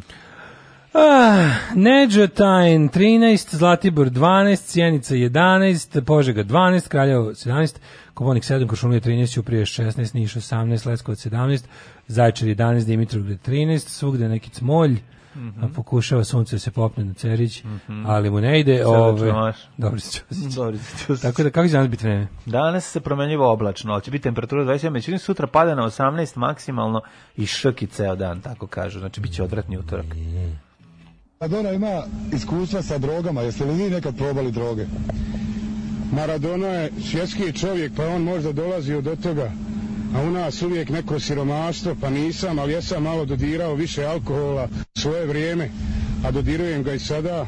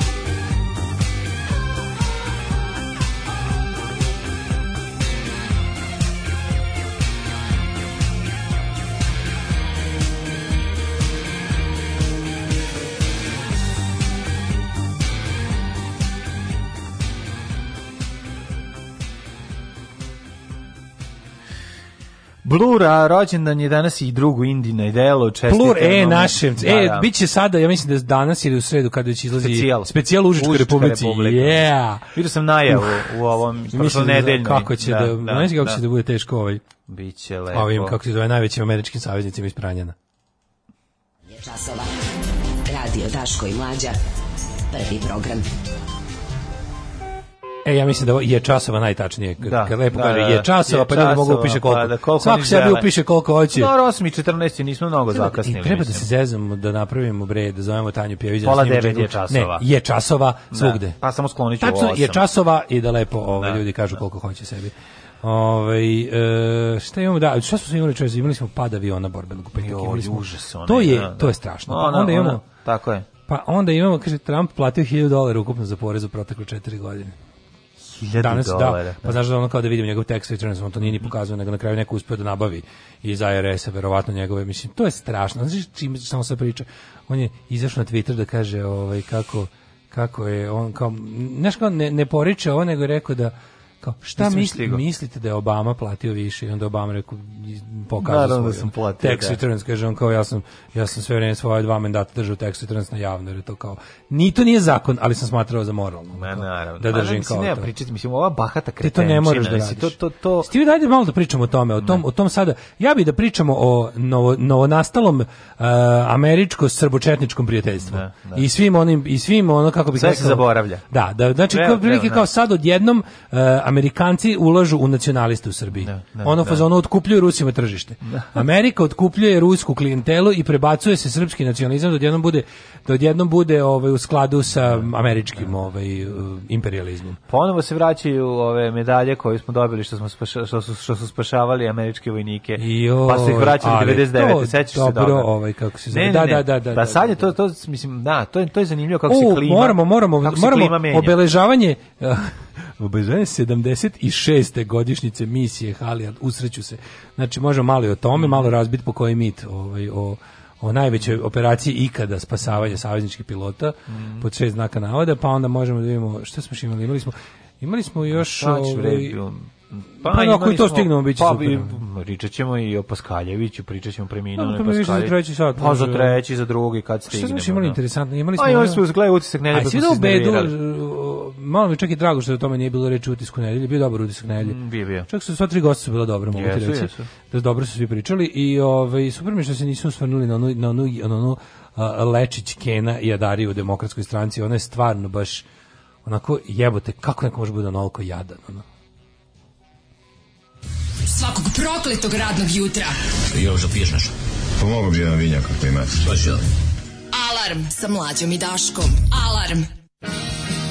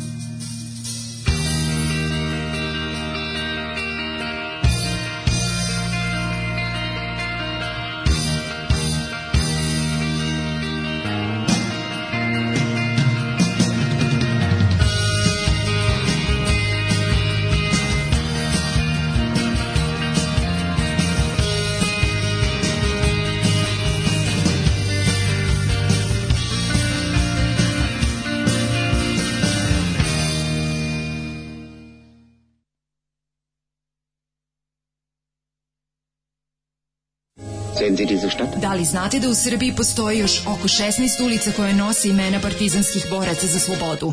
Zajedno možemo učiniti da sećanje na antifašističku borbu zaovek nestane.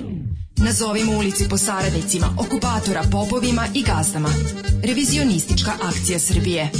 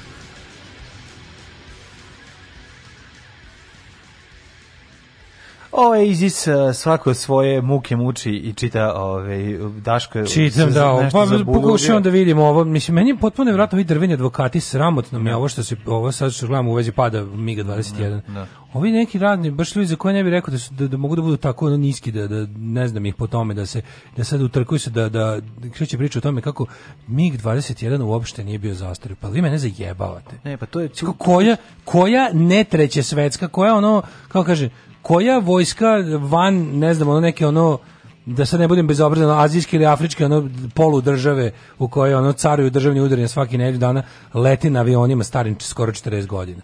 Mislim da taj avion se ne proizvodi od 1984. Mislim, 1. januara 85. je prestao se proizvodi, a proizvodio se od 59. do ne znam, ko- mislim, to je ono, to je hladnoratovski avion. Najzastarelija moguća tehnologija. Ono bukvalno prva generacija mlaznjaka. Znaš, ono kao i to, i to se sada ono, nama se letenje u tom avionu predstavlja kao nešto normalno za vojsku u 2020. godine. Ma Koji moj naravno. letite, šta Da. letite tim sranjem? Za čega je služio taj let u petak? To je baš pitanje. Za čega je služilo, osim da se, šta, da se, da se proveri da li avion radi? E, videli ste kako radi. Ste htjeli da proverite kakvi su nam avioni? Evo vam kakvi su nam avioni. Čekaj, I onda cijela ta priča, sad gledam kako pričaju kao stručnjaci vazduhoplovstva kao tom avionu nema mogućnosti da se ovaj pilot ovaj, katapultira, ima, katapultira. ima, ali nešto Nije posla po zlu. Da, mislim ima valjda mogućnost kada puta, mislim to nije. Ok, znaš kada se kaže, znaš kao, istina je da avioni koji se ono kao remontuju, menjaju se delovi stvarno kao godina proizvodnje ne mora puno da znači. Ali u ovom slučaju brate mora. Mislim čovječe avion koji je prestao da se proizvodi 85. godine je ono kao pro, prosječna starost aviona kad se uzme kao ne znam prosječna starost ne znam svih vojski da ne lupi sad mislim recimo evropskih vojski. Prosječna starost voznog letačkog ono letačkih aparata evropskih vojski je 11 godina. Mislim na ovaj avion ima 36 On ima 36 godina, mislim, en, da trebalo bi da... da 36 godina ima avion, da, mislim, jel biste vozili auto star 36 godina, mislim, a, a ovo bi trebalo da je još rigoroznije proveravano. Auto star 36 godina, znaš, kao šta ste htjeli proveriti ovim? Pa, Da li, da li ovaj avion su može bili da leti? Pa mislim, teorijski može da leti. Da. Koja je, koja je vojna funkcija takvog aviona? Šta, kome, šta će taj avion da brani od koga? Mislim, to je jedino ako nas napadnu, ne znam, ono, ljudi s vremeplovom, ono, avionima iz, ako nas napadnu dvokrilcima, ovaj možda jezi, ali i tu je ne, Pa ne, radi se o tome. Ne, ne lete na istoj visini. Čini se da je opasniji po ono koga koristi. Pa Znači, naravno U jednom da trenutku postane opasniji po ono koga koristi. Znaš, kao može ali taj avion 36 da radi u nekom ono, ne, ne znam tačno kako se, air show, što ne znam da li to kod nas postoji, Pa zato- za aero meetinge. Zato pričamo ono da je pametnije uzeti jedan novi nego pet starih. Mislim, znaš, ono je, Pa to da, je- ali to je ono- to je, to je sada već Da li su to, mislim, ja mislim da se ti avioni koriste, mislim da s njih niko davno ne računa, nadam se, možda i to grešim, mislim, ko zna šta sve ću čuti, ono, moguće da i ovo se računa u naše ono borbene avione. Pa naravno to su- nisu tren, možda trenažne letelice, mislim nadam se da jesu. da. da su to kao za, za trening, ali ovi piloti, znaš što je čudno, ova dvojica pilota su ono kao iskusni piloti, Pa ovaj jedan je da. iz- letio 94. jedan letio 2000. Da, da. Razumeš, što su već tada, taj što letio 2000. već tada ono je taj MiG bio ono preko svih ono važećih standarda starosti za, za, za savremene, oni su- vazduhoplovstva. Mislim, po, znaš šta, sigurno su- poznavali tu letelicu, mislim, nema teorije, znaš, ono, ono što Mislim- jeste da je, s obzirom da je star Ima sad tu 36 priča, godina, bila i priča da je bilo kao nekakvog, ne, ne mogu sad da otkriju, prvo, prvo taj, taj e, snimač leta, taj flight Da. recorder nije savremeni flight recorder, nego samo snima parametre. Mhm. Znači to je ono sovjetski stari model crne kutije koji ne, po, ne, ne snima razgovor pilota, Znaš, kao mislim, to dobro, ti već dovoljno govori o tome kakav je avion jebote. A sovjetski avion iz hladnog rata. Da, da. kad je, kad je Vučić rekao, kao ne možemo kriviti Rusiju, pa ne možemo kriviti Rusiju, može kriviti Sovjetski savez, pošto njega nema. Znaš, kao Rusija to možemo izbacila iz kriviti upotrebe. njih, mislim, može kriviti Nemo- samo nas. Naravno da ne možemo kriviti kriviti Ruse, Ne, kad, kad je rekao Ruse, pa ja stvarno svim srcem kažem ne možemo kriviti Ruse, jer je avion proizveo Sovjetski savez koga već dugo nema, a sami Rusi to više ne koriste, tako da ono možemo kriviti samo sebe, što smo nastavili da budemo idioti. Nego mi je ono kao to potpuno neverovatno da, kao za čega su ti ljudi tačno leteli? Za, za šta su ti ljudi sad ono dali svoj život? Šta je bila svrha? Ja ne vidim ni jednu drugu svrhu osim podražavanja mita o našoj, našoj užasno jakoj vojsci, koja se stalno, mislim, ako, ako podeliš sve naslove koji izlaze po, po novinama na- u tri kategorije, on će biti mi smo najjači u regionu, samo što nije rat i treće je svi nam zavide. Da, mislim, znaš da, je, on- da naša vojska nikad nije bila jadnija. Mislim, da, trenutno naravno, ona čoveče, situacija u mislim. vojsci mislim, je toliko jadna. Ne, da ali to- uopšte cijela ta ideja da, znaš, kao, šta, št- kome, čemu, šta, zašto se i to večito merenje kurca sa Hrvatskom, Da, razumeš da. kao ono, kome veći, šta mi ćemo kupiti ovo, mi ćemo ono. Šta te briga Hrvatska možda ima dva ono kanadera i šest cesni za zaprašivanje kukuruza neće ti pasti na pamet da čačkaš više nikada. Zato što ako je zgaziš u prostor, doleteće ti ono 150 F16 iz ono svih okolnih NATO zemalja i napravit će tebe parking za Pa Jadransko znam, ali more. mislim ti ti znaš da se do toga neće doći. Čemu ta čemu ta priča? Možda dižeš te svoje leteće Ne, kosilice priča- hoćeš i da- da ubiješ ljude. Ta priča se neće više, ovaj mislim se neće desiti. Mislim nama je ono oduzete čačkalice kojima smo mogli da bodemo. bodemo ljude, Mi pa. nemamo više s čime da bodemo. Znaš, onda su ostavili ove aparate koji su ono kao, Ovo je verovatno bio neki je- koji se mi imamo- redovno obavljao. I da, znaš. možda, pa možda i mora, sad neću da Znaš, ispadnem pa ono, narod, zato ti a kao kažem, možda nisu avion i mora povremeno da poleti da bi se da bi da bi radio ono. Pa ne, ali je cena ta, mora se trenira. Znaš, znaš, problem je tome što Pa da, voziš da, nešto moraju što, da lete, što, naravno. košta, što je staro 36 godina, Da. što je sigurno dotrajalo. Mislim, i sad, a druga stvar je ono, e, p- Ali onda stvarno treba da procenat treba da budeš dovoljno verovatnoće čovek. da se procent verovatnoće da će nešto da stane da se pokvari na letelici staro 36 godina I je- 89%. je ogroman mislim Da. znaš ono Znaš, i- ideja da taj, taj vulin, taj vulin spava mirno posle toga, razumeš? Mislim, taj toliko za njegovog vakta, o čemu ono, mi pričamo? znaš, on toliko spava mirno, njegov posao je da on je, on je njemu je data ta vojska, mislim, znaš kako ti problem ako je njemu nešto što da, ono, znaš on sigurno da će... Znaš, on je, on je, on je, on se loži, razumeš, kao on nije... to što se on loži, to je druga Nije to priča, kao kad Trump imenuje republikanca koji ne veruju da postoji životna sredina da uništi životnu sredinu. To nije isto. Znaš, Vulin, Vulin je sebi vojničina. Znaš, Vulin je A sebi vojničina, on sebi tu Marko baš... Đurić se bi frajer iz srednje škole. Mislim, šta sad ja... Pa da, ali on spava mirno, to je meni posle ovoga, on potpuno spava mirno Pa posle ovog to je, svega, razumeš, to, to je zato što, kao- pa on, onda je normalan čovjek, on mi po, podne ostavku. Mislim, Kaže Vulin, evo, Pa, ovo izjavio jutros. Avion Da. koji se srušio kod malog vojnika nije bio zastareo. Da, ne, ne, to prvo... Pa šta bi, kaži mi, ajde, ja bih pitao, kao vidite, šta je za vas zastareo avion? Šta znači da Da su išli u muzej da ga Ne, uzmu sad su kao... kod braće Rajte da su da, da, da su avion, krenuli pa kao, šta bi, da su pali, za e, šta ovo bismo je. se složili da je zastareo avion, ako ovo nije bio zastareo avion? Mislim, jebote, mo, mislim, moguće da nije, moguće da je pao zbog, pa mi sad ne znamo, pogotovo što nemamo, nemamo uslova da ustanovimo Ne, zbog čega je pao, jer je dovoljno zastario da nema savremeni snimač. Ali nećemo nikad znati. Nećemo nikad vojska znati. ne bi Možda ljudski faktor. pao. Možda- možda je Pa da, ljudski malo faktor. su dva, dva Može da se čoveka, dva Pa iskusna ga, pilota, ono, šta? Sad ne znam u Migu 21 kako to ide, ali ono kao moguće. Može, da ne isključujem. Da. Ali možda kažem, možda nije pao zato što je zastareo konkretno. Ali da je zastareo, zastareo, razumeš? Da, možda nije zato da. pao. Ali reći da nije zastareo čista laž. Jer ono kao reci mi onda ako ovo nije, ako avion iz 80 pete nije zastareo, još, ajde još da računamo da smo ga mi kupili tada. Da smo kupili vojska. posljednji ikad proizveden. A verovatno nismo. Da, a- znači, da, to da, ovaj je iz nikada. 86, A ne, može kad je prestao se proizvodi 85. Pre, ne, ne proizvodi se 85. Ali kao naši 86. A specijalno su za nas ponovo Kao- upalili, upalili fabriku. To ono. kao kad sam ja kupio. Pravili već MiG 27, ono Kao kad sam 29 ja su to kupio pravili. Mazdu 2008, ono, do, do sigurno papirijom piše 2007. Pa da. to, Pa da. to je to, ovaj, e, godina je nestala. Ne znam, kod nas piše da je, hiljada- da je 86. Pa divno, da znači- ga za nas, pa mi, mi smo ga tada kupili, on je ono, naš, on Da. je stajao tamo. Kupili smo nov. Pa kupili smo novo, ali smo, ali on Da. mogu biti samo proizveden do 85, jer do tada su ga proizvodili. Nije ni bitno godinu vamo tamo. Ali ono kao, ali stvarno ćemo se složiti da je stvarno duboko u pre, pre prošlom veku proizveden. Da. I da ono kao to Pa, reći da nije... pogledao ostalo opremu Pa vojsci? sve, sve, pa je sovjetsko đubre. Pa sve, sve je pa da. sovjetsko đubre. Mislim smo mi prestali da obnavljamo tu vojsku na način na koje to je sve bilo Ali čekaj, to je možda bilo pet, jesmo uzeli još pet komada koji su sovjetsko đubre. To je možda bilo state of the art u vremenu kad je ta vojska prestala da ima smisao postojanja, a to je onda kad je okrenula puške prema svom narodu Da, i taj da. Trebala crkne i da nestane za zauvek. Mi smo je preimenovali u vojsku Srbije i ostavili s tim istim đubretom, Mm. koje je naknadno izlupano 99. kad je s time pokušala da radi to što je opet radila i na prethodnim ratištima. Tako da pošto je ostala sa kantama i kosilicama, sad ove, a sad ja stvarno ne znam zašto neko ne može da bude dovoljno čovjek da kaže: "Ok, nemamo vazduhoplovstvo. Jebi ga, nema ga ni Moldavija, lupetam." Ali kao ono ne možemo da mislim Pa taj pilot bre na kraju ajde nek budem da budem surovo, ono taj pilot košta više od te letelice. Pa naravno da košta, Pa da. mislim, jedan i drugi, da. Da ga posmatramo više. samo kao resurs, ne kao čoveka, da. ne kao ljudsko biće. nemoguće da ne ne kao ljudsko biće, ali evo da čisto onako Da. ekonomski, surovo kapitalistički. Ta dva pilota koštaju više od tog od tog razjebanog aviona koji im je došao glave. Razumeš? I sad Ne, ono ja, kao ja, ja sam, go- mislim, ne znam, ja stvarno sam gotov siguran, pa tu su dva iskusna pilota, gotov sam siguran da je nešto u, u tom avionu vi- nije bilo u redu. Ne mogu da To mislim moglo je ne hiljadu stvari da znaš, da, da, Kao on je da- remontovan 2016. znaš sve kao Mislim, Pa znam, voziš ono Ford Escorta iz ono 78. Naravno. godine, pa ono moraš da staneš sa strane jer je ono temperatura Mislim, na nije to motoru. baš, nije to baš ono, triggerova otišla je- metla, razumeš? Pa niste kažem. zamenili sve s njega pa da kažeš, mislim, šta je tu? Mislim, za- nešto je tu 86. Za- godište. Pa zastarelo je, A nešto je tu znaš, ono. 86. godište. Mislim, strane- ne, sama činjenica kada kaže, on kaže, avion nije zastareo i onda u sledećoj rečenici kaže, "Sni- uzet ćemo snimač parametra, pošto je, a snimač parametra je primitivnija verzija black boxa, razumeš?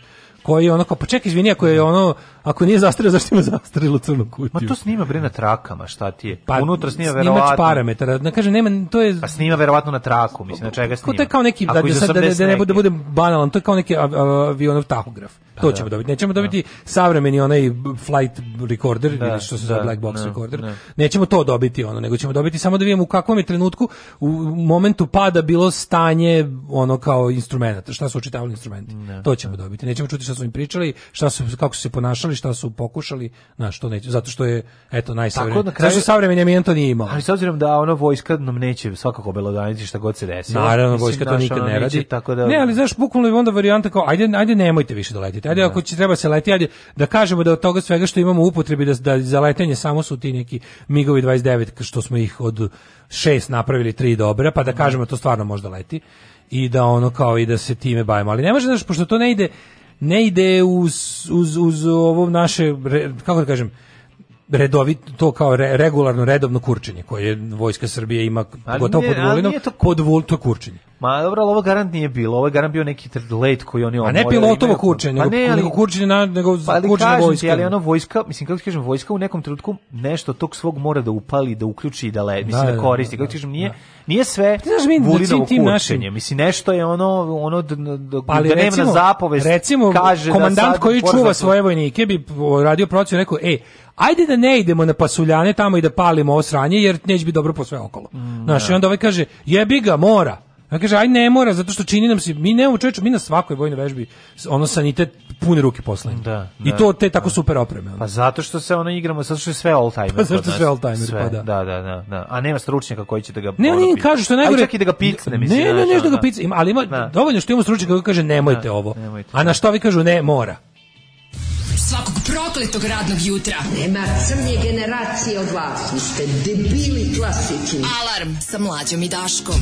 Alarm.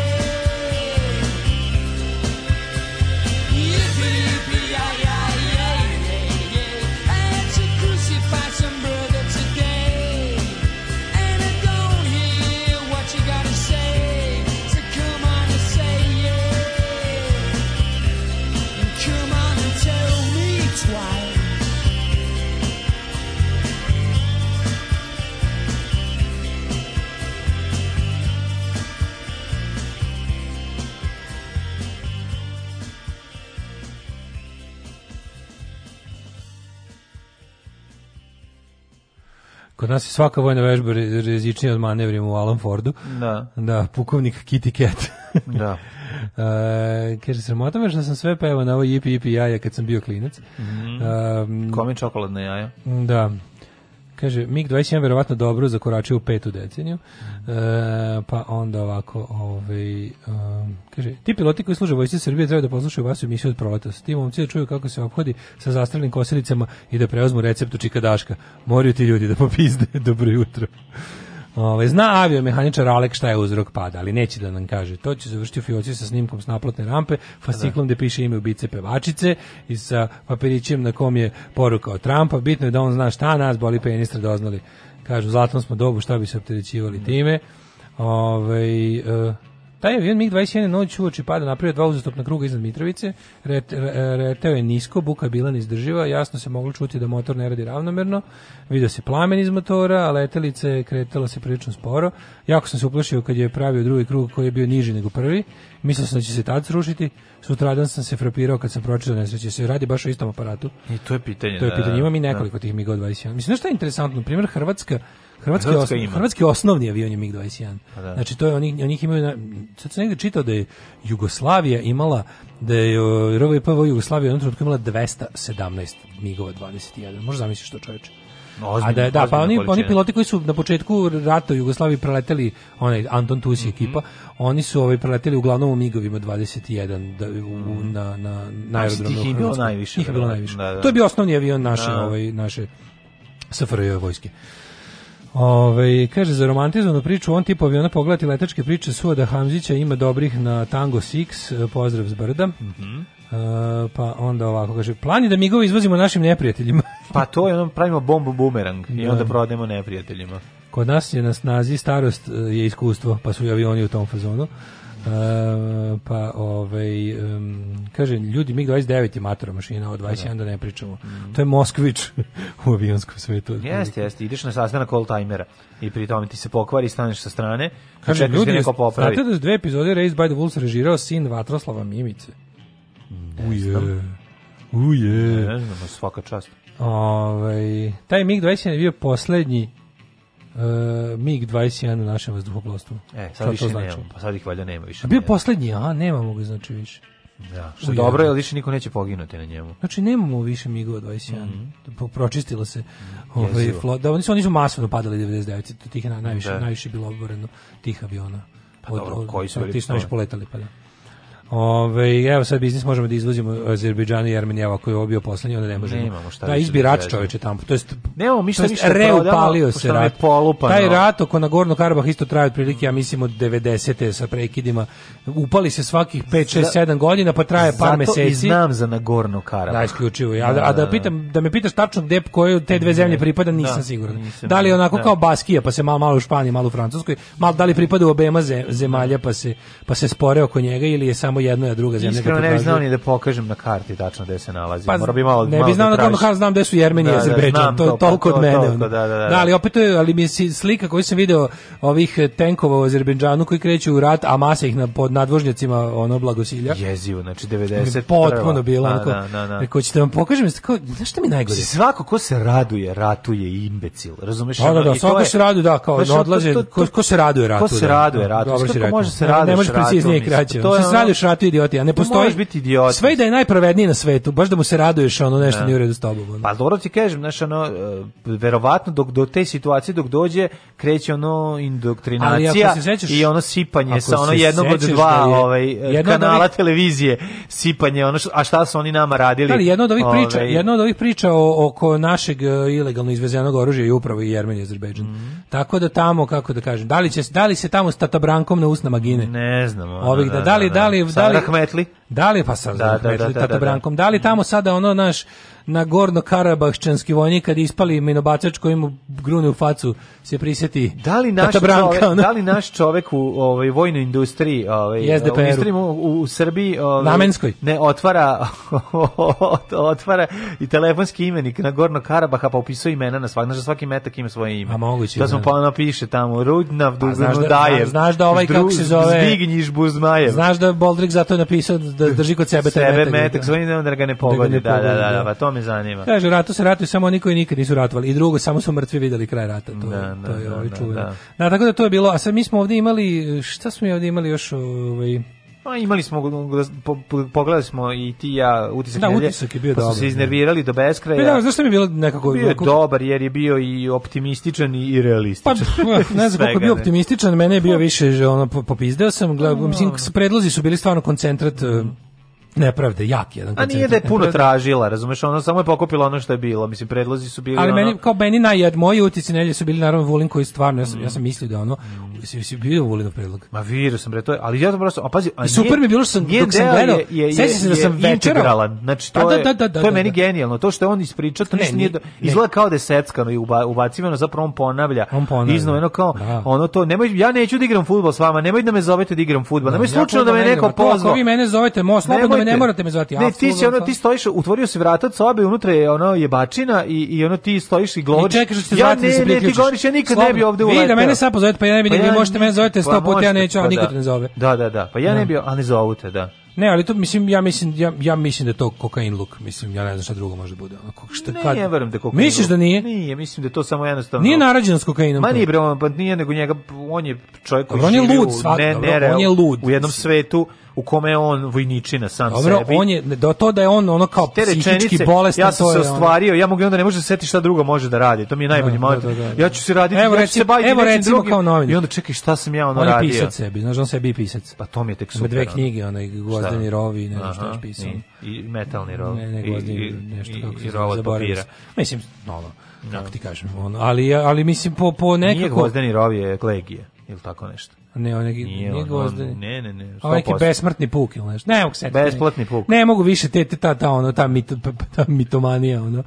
Ta, ali je ovo, grandomanija i mitomanija, nego je... Ne, to to ta te, ma ja me ne pravo, znaš šta meni celo to da- priči. Znaš šta mene najviše, ja izvinjam, znaš kako su mene iznervirali novinari sa Pinka. Ja ne mogu da istrpim. Ja ne mogu taj taj, taj uvlakački samo. kad treba da postave neko pitanje, pa onako pa potpujkuju još taj to to ne A mogu zato to- i služe, jebote. Ali ne mogu to da istrpim. Znači to me toliko iznervira. Znači ona ona što sa Marićem sedi pa vrti onu olovku, aha, pa dodaje još jeste, a šta je on rekao? Šta? Znači to i i, i gledam onu sa Pin- sa Pinka koja razgovara sa sa Volinom koji se kao setio da je, da je Vladeta Janković ono jedno neopevano đubre. Mislim, znaš, ono to, te, te bede, te užasi, ovaj, baš sam se iznervirao. Znači, gledajući sinoćni ovaj, utisak sam se iznervirao. Plodan pisac, jedna mu se zove knjiga Lepota, jedna Mrak, super. ali ima neka od dveri, čekaj stani, ima ta neka, neka, neka Zapravo vojnička. lepota ona. mraka, mislim. Ne. Ima neka A, vojnička dobro. nešto, ne mogu da se setim sad, jebe mu sunce. Moguće, da. Kako se zove? Čekaj, da li ima, da li ga ima možda? Čekaj, te. Da li to možda Wikipedia? Ima da kad ispadne sapun 1, 2 i 3, ono, nemam pojma, aj, nije ni važno. Čekaj no. samo da vidim. A ovo nemoj sad odusta, odustani od ono vupi. Ne Ne sad kako je krenuo, sad ćeš naći PDF da čitaš. nemoj, zaustavi se. ono, Neka ima on tu neku svoju nekim nekim ratnicima knjigu, nije ni lepota ni Da, mrak. nije pogrešio si, Nije ti ni lepota pomešao i mrak. knjige koje on napisao i sa knjigama koje on pročitao. Tako da nemoj. Sa knjigama ne- autora kojima se divi. Da, da, kojima se divi, da. Tako da, Da. pusti to, nego stvarno taj, te, ti, ta integralna priča njegova o tome kako nemojte slučajno da me zovete je toliko psihodelična i toliko jeziva. A onda kad smo pogledali sve te ono Vesića, onog ovi, ono ono njegovu bednu priču, pa onda u Vučiću u nekoliko izvedbi, pa pa onda ona integralna verzija priče novinarima, E, to ono, mi- ja to mene meni je to ja potpuno da- fascinantno. To je Ja, to, to to, je- to je baš baš te To mi je možda najveći utisak, to kad sam, sam do kraja pogledao Jezivo ceo kontekst. jezivo je. Kad on na kraju izvređa novinar što ga ništa nije Da, da, pitao. I kaže za kraju živela Srbija. Okrene se kaže živela Srbija. Znaš, taj, taj moment je meni... Oni sad ponosno kliče. Da, da, da. Živela jezivo, Srbija. jezivo, jezivo, ali ovi sa, sa svih strana onako jedan zastrašujući, zastrašujuća ofanziva SNS-ovska i zanimljivo je kako su spremni da ono da trgnu bukvalno bazuku na svakom uvu i komarca. Mislim, znaš, taj, taj njegovo ponižavanje pitaš, znaš šta? i, po, i pljuvanje po, po vladeti, onako bez ikakvog razstani, bre, to stvarno, to je bilo ono, ti na Pinku, si, pazi, koliko je bitna njegova izjava, koliko ta izjava, ono, pa, je zapravo ugrožava A tebe ne, pa to je najbolje, ti gledaš, poziciju. gledaš u Vladi, ja, ja, ja, ja, ja Vladetu Jankovića ne podnosim zašto to nacionalista i konzervativac. To mu Da. Vučić nije spočito, naravno. Spočito Pa da. mu je gomilu lažu koje su tom čoveku ne stoje. Pa znamo, spočito Razumeš, mu je ono odrastao, on je odrastao, mislim, na njegovim emisijama, kao što smo i mi odrasli. Mislim, ako ti neko... mislim, ali kako da nađe kad su on vidi, oni su politički manje više istomišljenici u to u ideološkom Da, smislu. da. Ali onda se ono kao onda a pošto a pošto su se našli, imaju isto da. To je Mislim obojica su nacionalisti i konzervativci, ovi obojica su desničari. Ali je fora što ovaj kao sad mora njega u dnevno političkom maniru da ga skine, jer ga doživlja kao neprijatelja i onda kao on, i onda ga optužuje za stvari za koje realno nije kriv. O tome se radi. Mislim to što on rekao za Zlatu Jankovića to ne stoji. Ma Što naravno da ne nije za, za to kriv, razumeš? I to nisu to nisu uh, mane Vlade Jankovića, on te, on te osobine nema. Te koje mu je Vučić spočitavao, to je jednostavno laž. To je jednostavno lagarija. Ali je ovaj uh, A mislim, ali to priča o njegovoj beznačajnosti, mislim, Da, toliko, da, da, znaš, da, da, to je da. tužno. Mislim, pa gari ti si odrastao na emisijama njegovim, da nisi gledao ništa drugo, no Pa kao jebote čovjek je profesor, u pičku Pa mater, kao, ne profesor on je- univerziteta ozbiljnog da tako da zavujišeš i da kažeš da šta si ti čoveče, Mislim, kao ko si ti? Ti si direktor od 23. godine Da, života. ti si direktor od 23. godine života. Znaš, ono čemu Da. pričaš. Mislim, ali, ali, ali hoću ti kažem, je- ja sam siguran da se on njemu potajno divio. A Mislim, naravno da 100%, jeste. Mislim, on nije, pa mislim, ja sam njega obožavao do trenutaka dok nisam vidan. Kod je Koštuničar. Pa to, ali opet, ali s druge strane, opet nekako mogu da odvojim njega kad sam bio mlad i onog šta sam imao prilike da gledam. Pa Ne mi mogu da sipa. kažem da se taj čovjek ne razume u to, u to čemu čega je profesor. Mislim, to bi stvarno bilo Naravno, previše. A ovaj mu onda da, da bi ga da bi ga ponizio pred ljudima koji se dive Vučiću, on da. ga je nazvao Fićfirićem. Da, da, kao, da, On je seka persa. Seka, da, da. Kao on je seka persa, on je radio fizičko, mislim to je naš fazon. Da, da, Vidim da. da se ono kao da je, ali mislim on je jednostavno stigao toga da može da uradi i kaže šta hoće. Znaš, bilo je to juče, ono, isto što su ovi pričali, kao, jebote, Ana Brnabić panju ga objavi snimak, on, nam- on nam prepriča nešto deseto. Jeste, ali ono zašto je on sprečio, sprečio da je postoji pitanje vezane za Burazera i za ono ove Sve to u redu, sve to jasno interesa. meni. Mislim to je bilo to je Sve to pitanje. meni jasno. on Mene je to fascinirao nije sam dozvolio. kraj. Pa da, da. Znači, mene je fascinirao to što si ti rekao kad smo se raspravili da li treba, da. li treba ga otrati u kurac. Znači, bilo je onaj moment kad je voditelj uradio bukvalno sve ono što ti rekao, pa još više. Na ovaj reporter. Reporter. Da je ovaj kad su kad su završili zabranio, sve- rekao hvala, ovaj rekao kao. hvala najlepše i završio. Da. Nije znači ni naznaku konflikta, ono moguć. Dobro, u redu, hvala vam najlepše. Da. Ali ne možeš ti da završiš onda- u raspravi onda sa ovaj, psihopatom. Zamisli sad da, da, da- zamisli da ovaj bio ne, da ovaj iskoristio jednu malu priliku da ispadne uljudan čovek, normalan, izbalansiran, da rekao hvala, doviđenja, po- pozdravljam vas sve, Da. i ono, idemo razmakni stolice igranke, ili šta već, ne. ima, ima koktel. Ali ovaj, kako se zove, ne. A, a jel vidi? A jel vidi? Vidi narode. I onda Vidi kaže vidi narode. narode. Pa a to mi je baš kralj. Ibi, Pa jebote, kralj ono- Ibi, pa to je to mi je onako, totalno, pa da. nemoj me zvati narodom, pička ti bre materina.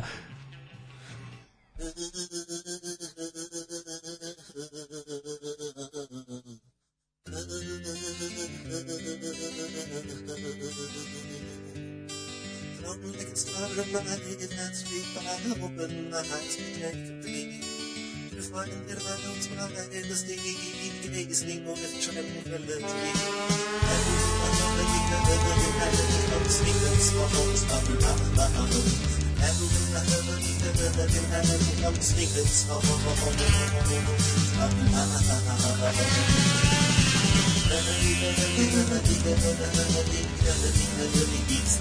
humanity. I'm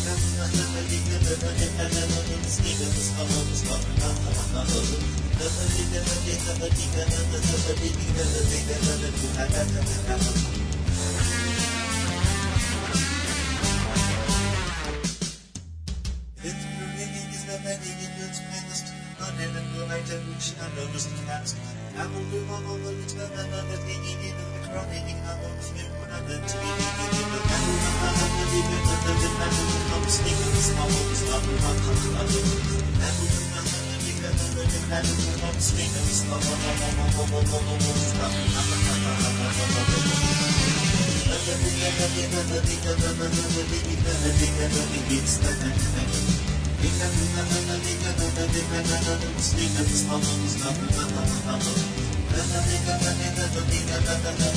I'm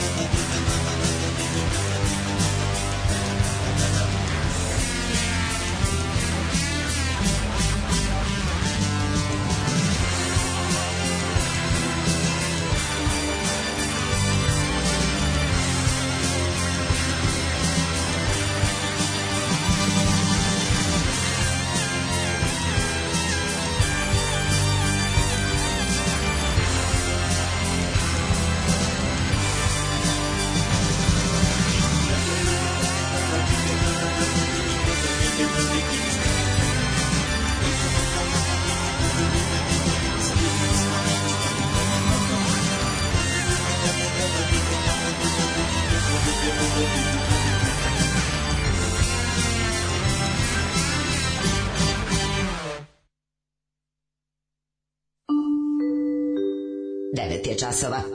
Radio Daško i Mlađa. Prvi program.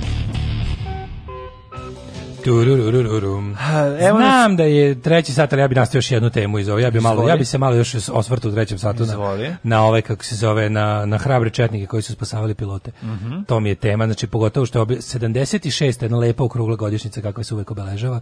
Kako je navrat na nos, ja umiram od smeha sad ovo, ovo guranje uz Trumpa, za koga ono bukvalno molim se svim bogovima za koje sam ikad čuo da izgubi izbore i da ono ne samo da zbog, ne samo za dobrobit ono kao čovečanstva generalno Sjedinjenih američkih država nego za dobrobit ono nas ovdje da, da, da Aleksandar Vučić opet stavi sve na pogrešnu kartu i da ovaj jednostavno ovo naše majmunisi znači ono, ovo ovo e, uparivanje sa Amerikom po najgorim osnovama po, znaš, ono, muka ti je. Bukvalno gledaš prenošenje recepta, način na koji smo se lepili uz Rusiju, sad pokušavaju da prenesu na Ameriku. A što je najgore, u Americi trenutno imaju saveznika za to. Trumpova administracija, administracija morona i pokvarenjaka, gadova, nacionalista i rasista, Jeste, ali- je ono i gramzivih izopačenjaka, je jednostavno ono kao Pa znam, ali nisu prelepa za ali ovako nisu nešto. oni mentalno našli. Mislim, ovi ti izopačenjaci, nisu? pa nije, Ma oni jesu, imaju interese, bre, i zato to rade. Veruj Dobro, naravno da imaju daleko od interes, toga. nego govorimo govorimo o pojavnom obliku toga svega. pa dobro, Način na to koji nas sada Da. kao navrat nanos odlepljuju od Rusije i slepljuju za Ameriku, ali po istim načelima kako se to je. radi s Rusijom. Tako je. znači, po, Da. na istorijskom revizionizmu i lagarijama. Znači, bukvalno kao s tim što smo imali tu, tu malu, e, malu razliku što je jednostavno Rusija zbog toga što je imala određena ono kao, mm, kako bih rekao, da li interese, da li nešto malo istorijskog poštenja ili čega već. Pa je onda na naše to na našu to preterine naše na naše uopšte ideje da da veže ovaj poražene snage u drugom svetskom ratu uz pobednike i crvena armija reagovala prilično ovaj odrešito i rekli da to ne može. Ovde to prolazi. Ovde to prolazi jer ne zaboravimo da jeste kao uzdizanje misije Halijat na ne znam šta, mislim kao najveće spasavanje. Nije jebo vas Bog, ono kao zašto lažete? Znači odatle spašeno 282 pilota 44. su mogli to da rade zato što su de facto bili ono dobri s Nemcima, otprilike. Jer ih nikad ne, jer ih Nemci nisu napadali. 44. su bili full slizani s Nemcima i imali su priliku da pilote koji su išli da bombarduju naftna polja u Rumuniji i padnu kad ih nemačka PV obori i padnu na teritoriju Srbije su imali prilike da ih odatle po- podignu i 282. Za to vreme partizanske misije po Bosni i ostalo, u to vreme još partizani prelaze, nisu prešli u Srbiju, su spasli 2000 i nešto pilota američkih i britanskih. Znači to je najveća misija spasavanja, a ne bradata rakijada u Pranjanima, koja je bila i moguća samo zato što Nemci nisu ni dirali četnike vojno na taj način 44. Druže, dinar za obnovu radija. Drugarice, jesi li platila Daško i Mlađarinu? Radio Daško i Mlađa. Prvi program.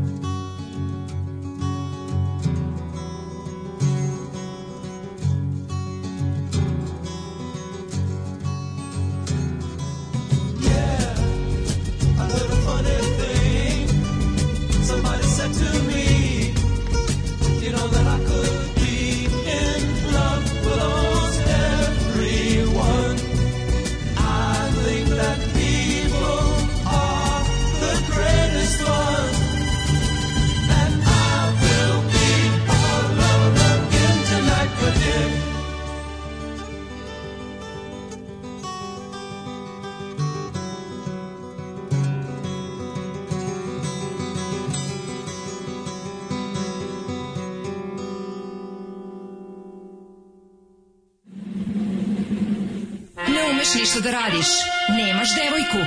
Kladionica uvek dobija. Probaj! Fašizam! Fašizam sadrži sastojke koji će učiniti da se osjećaš moćno i smisleno. Terorisanje slabijih, optuživanje manjina za lične neuspehe, snaga u čoporu. Ovo saopštenje je čisto fašizam. Fašizam! Il duce vincerà.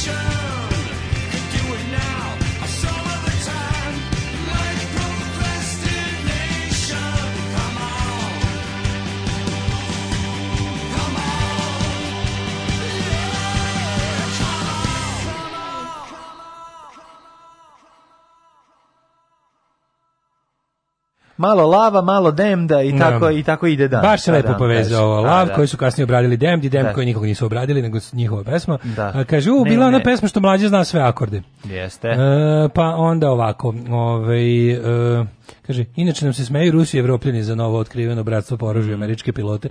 Mislim, stvarno, kao ko je brat, mislim, američki piloti i bratstvo po oružju. Mi ako smo nešto imali sa, sa kao, kao kažem, bratstvo po oružju, smo nešto malo s Britancima u drugom svetskom Mm. ratu na ovom mestu, s Amerikancima nismo, mislim.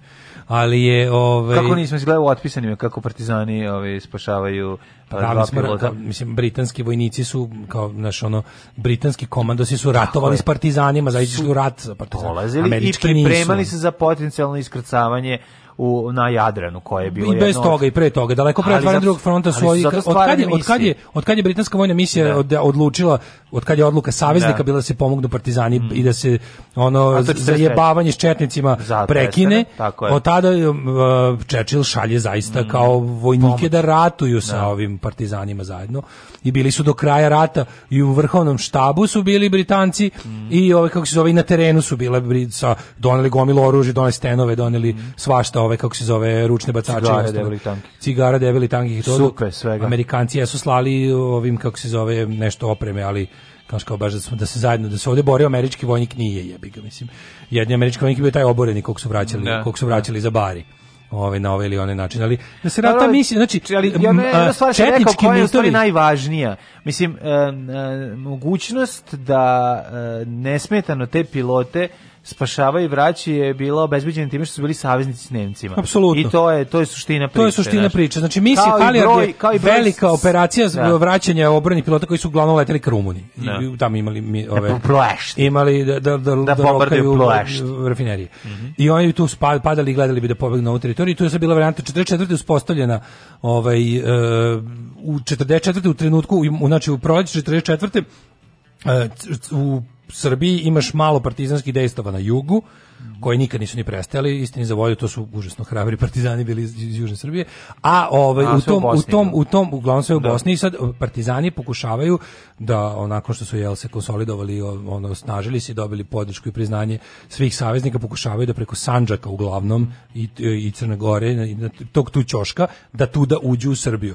U isto vreme Crvena armija preko Moldavije stiže na ovu stranu i treba da pređe u Srbiju. Stiže u Vojvodinu. Ne, stiže u Srbiju, zapravo nisu, Crvena armija prvo ušla u, na teritoriju bivše Jugoslavije, tamo negde e, preko Rumunije su ušli. Aha. S te strane. I, ovaj, i oni su onda Zašto ja krenuli- mislim da su ušli u Banat? Pa te strane su došli su prvo prvo prvi kontakt je bio prvi ulazak Da. gde su se susreli e, su je bio dole u Srbiji nije bio u Vojvodini i onda su odatle krenuli ka gore da oslobađaju i krenuli su ka Beogradu Beograd je oslobođen 20. br- brzo su i ovaj sa, sa trupama koje su došle iz Banata oslobodili Vojvodinu i onda krenuli da ka zapadu otvoren je Sremski front i bla bla bla dobro uglavnom sad je sad da se vratimo na proleće 44. gde ovi faktički Srbija je pacifikovana i dalje. Kako je pacifikovana? Tako što Nemci drže četnike pod kontrolom pod svojom komandom izravnom zajedno sa svim čak su utihnuli borbe istini za volju postojale su borbe nakon što su e, potisnuli partizane nakon sloma Užičke republike. Postojale su borbe između Nedićevih i Mihajlovićevih snaga za prelast na terenu. I jedne i druge su Nemci manje više ostali na miru znači snage lojalne Nediću Ljotiću i Dražini, Dražinovci su se tukli do 44. kasnije je formiran nacionalni komitet i ispostavljene su takozvane jedinstvene nacionalne snage za borbu protiv komunizma pod patronatom nemačke okupacione sile. I zato je Srbija manje više mirna. U Srbiji vlada nepravedni mir.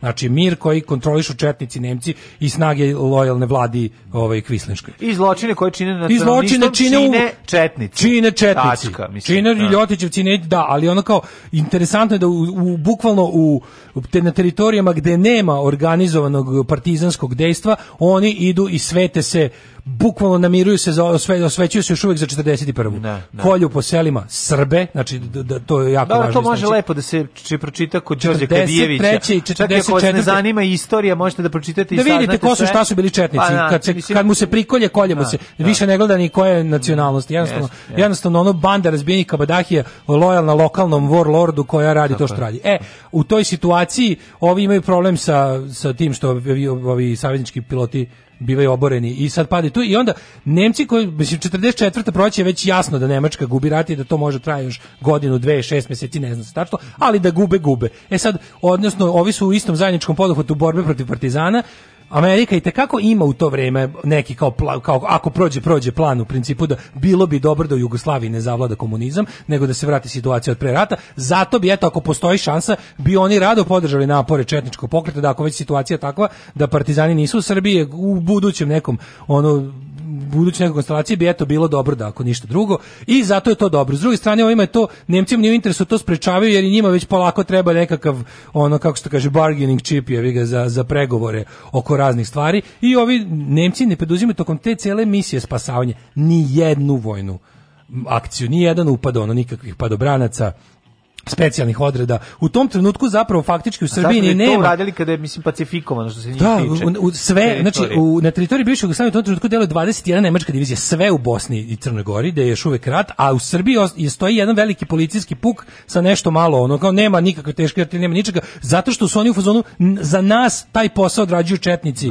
i kvislinške vojne snage. Nema potrebe. Ovi u toj situaciji prebacuju tih 200 i nešto pilota i sada odjednom, mislim za to vreme u područjima prave borbe gde je to zajebano i teško, partizani odrade dve i nešto hiljade ono, pilota pošalju nazad u Dobro, mislim, partizanske... Ovaj, ne, o tome se ne priča. To nije, da. to nije važno. Važno je za ono rakijada u Pranjanima je važno. I onda, to, I onda se to uzdiže na nivo ne znam kakvog ratnog lukalstva Mit, i logistike. toga, I ne znam kakav je Da. ono veliki vojni strateg general Mihajlović i ne pojma. I onda uvek se, i to se onda se pazi, i onda na kraju opet partizani pobeđuju, to sve Amerikanci odustaju od tog plana borbe protiv komunizma, njihovi ono kao miljenici su ideološki miljenici su izduvali, prihvata se nova realnost i sve. E, onda kad treba, kada A, dolazi to do... se razumemo, to su Britanci dogovorili Mislim, tu, pošto je to bila već. interesna zona britanska, dogovoreno je jel, da mi ćemo ostaviti nam Grčku, mi ćemo se pozabaviti komunistima u Grčkoj. I Tamo nećemo dozvoliti, a ovdje će za, tamo nećemo dozvoliti po koju biti cenu. sovjetska interesna sfera ili granica te Tako je, sfere, da, da, pa ćemo da. ovdje Iz vidjeti koje smo se mi jebi kasnije sami izvukli. Ali smo bili ostavljeni, ne, ostavljeni smo de facto bili. smo bili ostavljeni Da, u sovjetskoj da, da, da. interesnoj Od zoni. strane tih, od strane tih su rekli okej, ovo Da. vama Grčka nama. Tako je, Grčka nama i u Grčkoj su znači- se postavili da četnici pobede. tako Da je. grčki četnici pobede. Da, da je bio interes, mogli su se, boga mi, postarati i ovde. Razumeš, što bi Pa to da. U tom trenutku u tom- nas je verovatno Stalin odbranio od toga. Mislim Da. mogli su isto stvar da mogli Mogli su su da mogli su nakon poraženih ovaj a sad je Mislim, to, je, to samo govori toliko o mitu o našoj veličini. Mislim, mi moramo biti realni koliko smo mi Ali zaista... dobro, znaš šta, mi smo imali više, u tom trenutku partizanska snaga bila veća od, pred- od grčkih partizanskih snaga. Imali su više ljudi pod oružjem, Ja, jesu. to Imali su više ljudi pod oružjem. Grčka bila isto jako velika. Jeste, bila jako Da. velika, ali je u trenutku na terenu Da, jeste, no, kod naše mnogo jeste bila najveća. da, bi- samo ljudstvo je bilo veliko. Ono. Al- E, što, ali jeste, ne bi to, ne bi to tako prošlo da Stalin nije rekao u fazonu jebi ga, va Grčka Da. i rekli smo Grčka i ne može više. Ali zašto ti zašto se odjednom te te te četničke, ono razumeš kao e, četnička saradnja sa saveznicima, a ne sa Nemcima, svakih ne znam nije koliko izvadi ti. Znaš, ona svakih hiljadu primjera saradnje sa to je- Nemcima se izvadi jedan Da, primjer da. saradnje sa saveznicima. Pa to je- I onda se time maše ljudima. je, mislim, to je time se maše ljudima. Sa šta je to je- fora? Ovdje su to dnevno, dnevno, to je počelo pre dve godine. Sećaš se kad je, kad je to počelo da biva nacionalna stvar, kada je počeo dobija državni karakter i kada se sve uključila američka ambasada u Beogradu, Trumpovci kad su se uključili u celu tu priču. Znači, oni su bili u fazonu, ok, minimi- minimizirat ćemo ruski utjecaj tako što ćemo preuzeti njihov fazon. Udarat ćemo na srpski nacionalizam i jednostavno ovo što su ti ovaj, taman imamo priču da možemo da pojačamo lepo, da, da, da, da, da, da ukoliko doziramo ponovo istinu u tome da su sa Crvenom Marijom sarađivali isključivo To partizani. se kaže ovako, izvući ćemo samo stranice iz istorije koje nama odgovaraju i napravit ćemo novi udžbenik. Pa koji će Dražina, biti- koji Dražina medalja od De Gola, Pa, to koja je ono posthumno dodeljena za potrebe udaljavanja ono to jest udaljavanja Jugoslavije od Sovjetskog saveza i otprilike da se seti tak. Mislim, znaš te sve tendenciozne ti ti ono kako da kažem te mrvice mrvice četničkog prosavezničkog, nikad antifašističkog, nikad antifašističkog. Četnici nikad nisu delovali kao antifašistički pokret. Oni jesu jednom trenutku Delovali bili su na početku. Nik, ne, to je antiokupatorstvo. Pa, znači, oni su bili nisu bili baštinici ideje antifašizma nikada. da. Nikada. Ali su... Ove, se Oni jesu bili na početku okupatori, nisu imali ideološki problem sa nemačkom ideologijom. Dobro, imali su konkretno završeno s 41. Pa da li se da, ono- ali ta laž se bazira na tome da su četnici bili antifašisti. Oni to nikako nisu bili. Ne može se reći da su bili nacionalsocijalisti ili italijanski fašisti, ali su bili mnogo ideološki bliži njima nego bilo čemu što se naziva antifašizam. Razumeš? I onda kada se ono kada se na to sve doda njihova ono jebote oni su bili na nemačkom kazanom na nemačkoj plati s nemačkim oružjem pod nemačkom komandom. Što sve- Većinu rata. Da. Razumeš, to se prenebregne da zato što zato što dnevno političkim ovaj podkusurivanja sad odjednom odgovara i to ima ono bednicima iz američke ambasade pokvarnjacima koji sad ono vade ne znam kao u kao naša neviđena ono naše nebratstvo po oružju i ostalo. Vidi na šta liči cela, cela ta proslava. Kako je to jadno. Ko je to festival u društvenoj deda koji daje parcelu. Ono se vidio to? A, to nisam. Nisi taj moment? Ne, ne, ne. Da oni kao drže govore, pa onda ovaj održi taj jedan bedni revizionistički govor, pa onda ovaj na to sve izađe predstavnik opštine, neki potomak četnika koji to kaže: "Naše selo je odlučilo da predsjedniku Vučiću pokloni parcelu eh, natopljenu krvlju, ovaj znojem, ovaj krvlju, ovaj ro i razrovanu", pa se pogubi, pa ono ne zna koju posluku porati i onda odjednom kaže: "A, a, "Seljaka ravnogoraca." I onda Vučić to onako Dodik i Vučić. A znaš kako je najsmešnije? Što Vučić iako su to njegovi jel ono maltene ono devet desetine njegovog života su to bili Ali mu njegovi- jesu mu i dalje, da ne, naravno da on to jeste on je intimno Vučić je Pa, četnik pa, ono ne, bukvalno da. full lifetime četnik može da se nekad pritaji a nekad da se malo više razobada ali eto znaš, kad čim se to malo pokaže više nekao pokušao da bude tu malo dostojanstven i naravno da je bacio one odvratne revizionističke fore "Evo, treba da prestajemo da se delimo na partizani i četnike Trebujemo svi četnici. Trebujemo svi četnici. tako Ni jednom da, ta inicijativa nije došla od potomaka partizana, nego samo od potomaka dželate, dželata i sluga okupatora, kojima se i ovaj divio ceo svoj odrasli život, ali mi je interesantno ipak bilo koliko je njemu bilo u trenutku kad je gledao kako taj deda tamo muca i lupeta i ono kako to sve dosta jadno, Vučić nije mogao da se suzdrži da mu se, da mu se ne smeje. Ne, to je to je interesantno. Što se Vučić tom dedi smejao. Razumeš? Iako taj deda tu njemu čini čast. To samo pokazuje, znaš, ono kao... Pa dobro, to pokazuje Taj ono deda kad- jeste za smejanje, ali ono kao mogu si kad je već tebi, kao kad, kad bi sad ja došao pa mi deca naprave priredbu. Da. Sad nema veze što ne znam šta, ali kao napravi su meni je. Pa znam, ali da im se lopati bananu detetu Ne moram da im se smejem u facu. mislim, da. E pa ovaj je toliko pokvaren da se čak i tom tamo, tom dedočetniku smejao. Ali onda kreće ta cela ovaj cela ta svetkovina to kako su postavljeni kako to sve kao i sve što četnici naprave sve karabudževina da vidiš taj spomenik da vidiš to sve to je onako naš ono viđeno da za 10 godina samo To padne su, na zemlju. to su lepote nacionalizma. Da, ono što smo pričali, da. primenjeni nacionalizam u arhitekturi, spomeničkoj arhitектuri, u, u landscapingu, Da, jednako je u, u, kič. u i- event i- managementu, ono, Da, da, i jednako sve je ostalo. kič i jednako je siromaštvo duha, mislim, znaš. Pa da, to je ali to. kako neko lepo, neki pročitao sam fin tekst o, ovaj, o, o toj misiji Halijard, kako dobro zaključuje. Kaže, nakon 76 godina operacija Halijard ponovo služi istom cilju. Širenju laži i prikrivanja četničke kolaboracije, sve pod maskom slavljanja fiktivnog savezništva i prijateljstva. Umesto istine dobili smo laž, umesto antifašizma istorijski revizionizam, umesto prijateljstva između naroda providnu medijsku podvalu ispod koje se još jednom krije borba za nametanje ideoloških interesa imperialističkih snaga. Hvala na pažnju.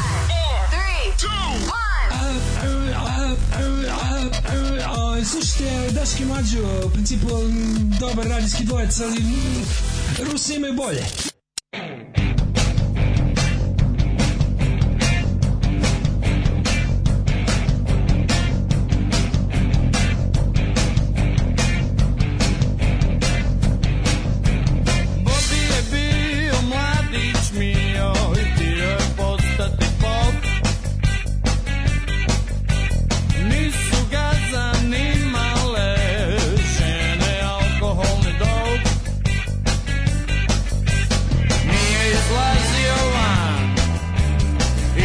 Šetao sam.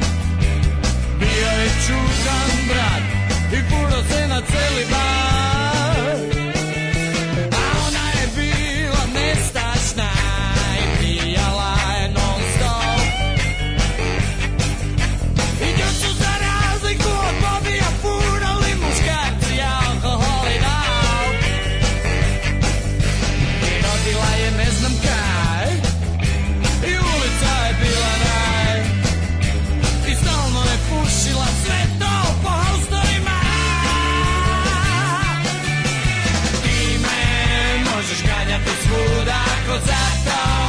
još imaš muda jer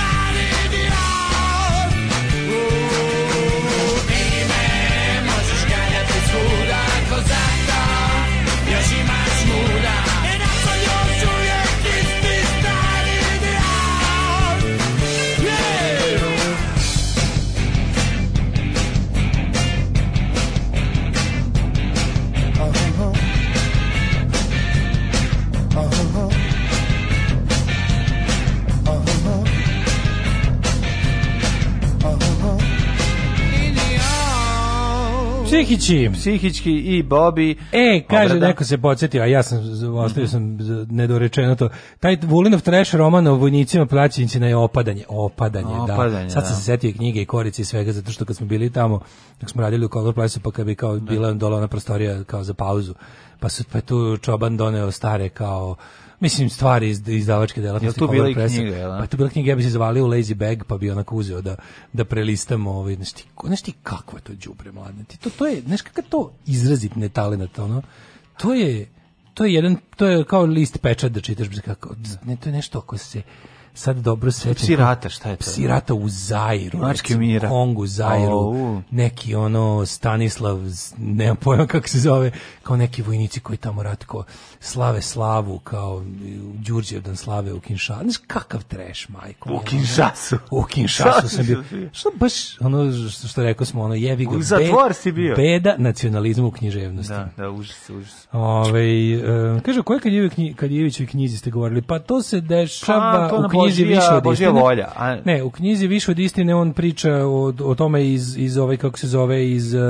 ličnog, kroz razgovore, pa se, pa se dotiče toga kroz svoju, kad kad priča o svojoj karijeri i životu, jako puno toga jer to, to se vidi da je na njega jako uticalo u životu. da, to da, detinjstvo na da. kraju rata u, ovaj, u, u to potucanje između Beograda i izbeglištva. Da, i to gde je video kao sve. Ne kažem kao ja daleko od toga da sam bio komunista ikada. Da, da. Ali kao znate šta je bilo s druge strane? Da, da, da, Kao, da, on mene jako to, dobro da, zna. to super Ne, jako je dobro i streljanja posle drugog svetskog posle pada Beograda, oslobođenja. Sve, Pada znači, Beograda. sve ovaj kako se zove, pa tako su ih ovaj četnici to Da. o, doživljavali. Posle okupacije. A, posle okupacije, da, ovaj kako se zove Uh, gde ćete vi kad Ne. padne Beograd u vražiju mater to je odatle. Da, komunisti krenu na Ovaj, Beograd. Da. E, a, Vražiju ovaj, ali uh, imate u nekoliko knjiga ima taj taj njegov što, si ti rekao, To je da, ali u Božje volje njegova knjiga fikcije u kojoj se on i te kako većina stvari, većina pripovetki iz te knjige Da. se dešava baš u tom periodu. u 44, tom 45. periodu, zato je interesantno da neko čita, ako ne voli istoriju, E, ali, ali on je rekao, da da, ako te je Božje volje da rekao da bukvalno svaka od tih priča koje Da. on dalje, mislim, razradio u, u fikciju, ali kaže svaka je o- naslonjena na likove događaje kojima, koje on kao dete doživeo na, na, na tom kraju rata. Jeste. I koji su, gde su svi ti junaci zapravo ti neki maroderi, četnici, pljačkaši, ono, m, ekipa, ta, ono, ra- razbijena banda koja, koja u fazonu ono, I'm going down in flames. Treba čitati Kadijevića i to je to. Treba gledati, da, i vidiš. to je gledati stvarno dosta dobro. da, Mislim da. da vidiš to kako, eto, ako ljudi su, ako ljudi optužuješ da je sve ovo bilo komunističko isto kao bla bla bla. Evo jedan čovjek koji je onako vrlo nekomunista. Nekomunista, ali će ti reći će kako ti je reći bilo. kako je to izgledalo. Da, Mislim, da, nema da. veze sa onim. Mislim da su njegova svedočenja zlata vredna, Jesu, jesu. jer govore to sa ljudske strane, ne Da, da, ideološke. da, pa kao, ne pa, ideološke, mislim, on je dete, to- jebe, mate, ali ima to je 11 važno. godina, nije ni mogao da bude ideološki formiran. To je jako važno. Kaže, evo kako to izgledalo meni sa 11 Da, godina. da, da, da. E, u selima kod Trstenika su četnici klali, zaklali su mog pradedu, a jedan od njihovih praunuka, moj brat, se danas izjašnjava kao četnik. Na, tuga jedna. Kaže, a posle oslobođenja Užica, druga poruka, kaže, mog dedu su zaklali i izvedeli mu oči četnici. Ostavili su ga na pragu kuće u kojoj je sklonio iz Beograda sina od četiri godine i ženu. Deda nije bio komunista, daleko od toga bio beogradski trgovac. Mislio je da je porodicu sklonio među svoje u selo Mačkat. Jezivo. Da. Ove, Da, to su bili razlozi pljačkanja, kao 100%, znaš, sve to zajedno, iza svega toga stoji ono, kao i obično ide, ono, želja Bila da je se to mržnja moj prijatelj. Pa znači, mržnja ono, i pljačka. Meni je slatko što ti uvijek sve Da. sveš samo na materijalno. Neću- postoji u neću ljudima, samo na postoji u materijalno. ljudima Ne, ta, ono, mi, znaš, ono kao, Ne, samo jako veliki broj ljudi jako gleda samo na materijalno. To je ono što ću ti kažem, a neću vidi, sedem ti samo na kad dođeš da materijalno. uđeš pa ukradeš, kome, Da. onom kome kopaš oči, Ne. komu ga kolješ na pravu kući, kopaš mu oči i testeriš ga, razumeš, ono testerom za drvo, Da. To ima nešto više od materijalnog. Ima nešto više toga, ali ovaj I je to nikad se ne sme izbaciti. Ali to što želiš da ga ubiješ je, je zato da on to nikada svoje ne može I- da traži od tebe nazad. Četničkih i ustaških zločina, pa apsolutno da. Ali ono kao Tako bilo da. je, kako ti kažem, bilo je i e, fore što je bilo e, mnogo više je bilo klanja bez pljačke nego pljačke bez klanja. Znaš, da, tako da, to je to je karakteristično za sve te a, nacionalističke zločine u tim ratovima. I to se bukvalno ponovilo 90-ih. Tak, ta vrsta izopačene ludačke mržnje, koja se pitaš odakle izvire uopšte u čoveku.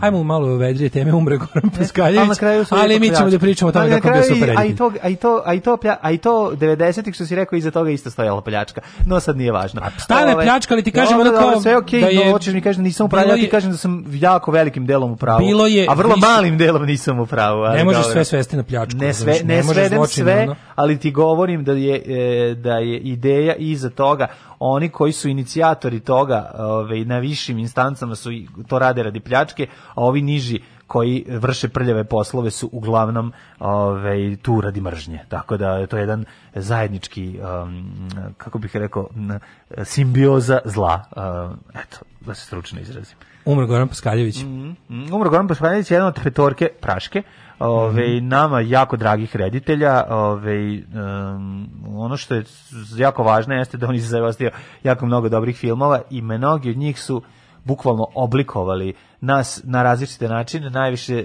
kroz ove, naučene citate iz filmova koje smo beskonačno puta ove, um, um, interpretirali u društvu i, i danas ih se vrlo sećamo. Neki od njegovih filmova su bukvalno meni najdraži jugoslovenski filmovi.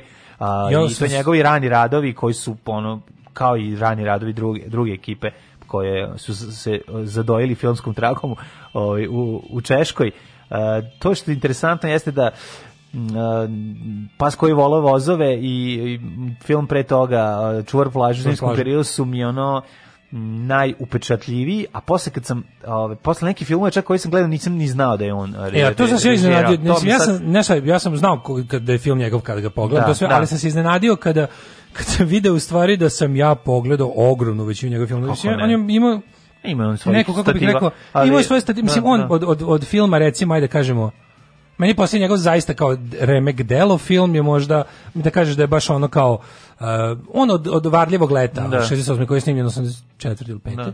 je imao sve manje više to je išlo onako i počeo da pravi filme po nekom kalupu koji su bili loši i loši ali je ovaj uh, ima ovaj Meni dobar je Medeni mesec je dobar film. Recimo, eto, ja sam ga gledao i meni je Kako- odličan. kako zove? Medeni mesec, on je iz... Šta to beše? To nisam možda ni gledao. Pa, To je neka, neka 2010. Tako je, tako. Ja sam to gledao u to? autobusu dok sam išao. Šta je to? Čemu se tu radi?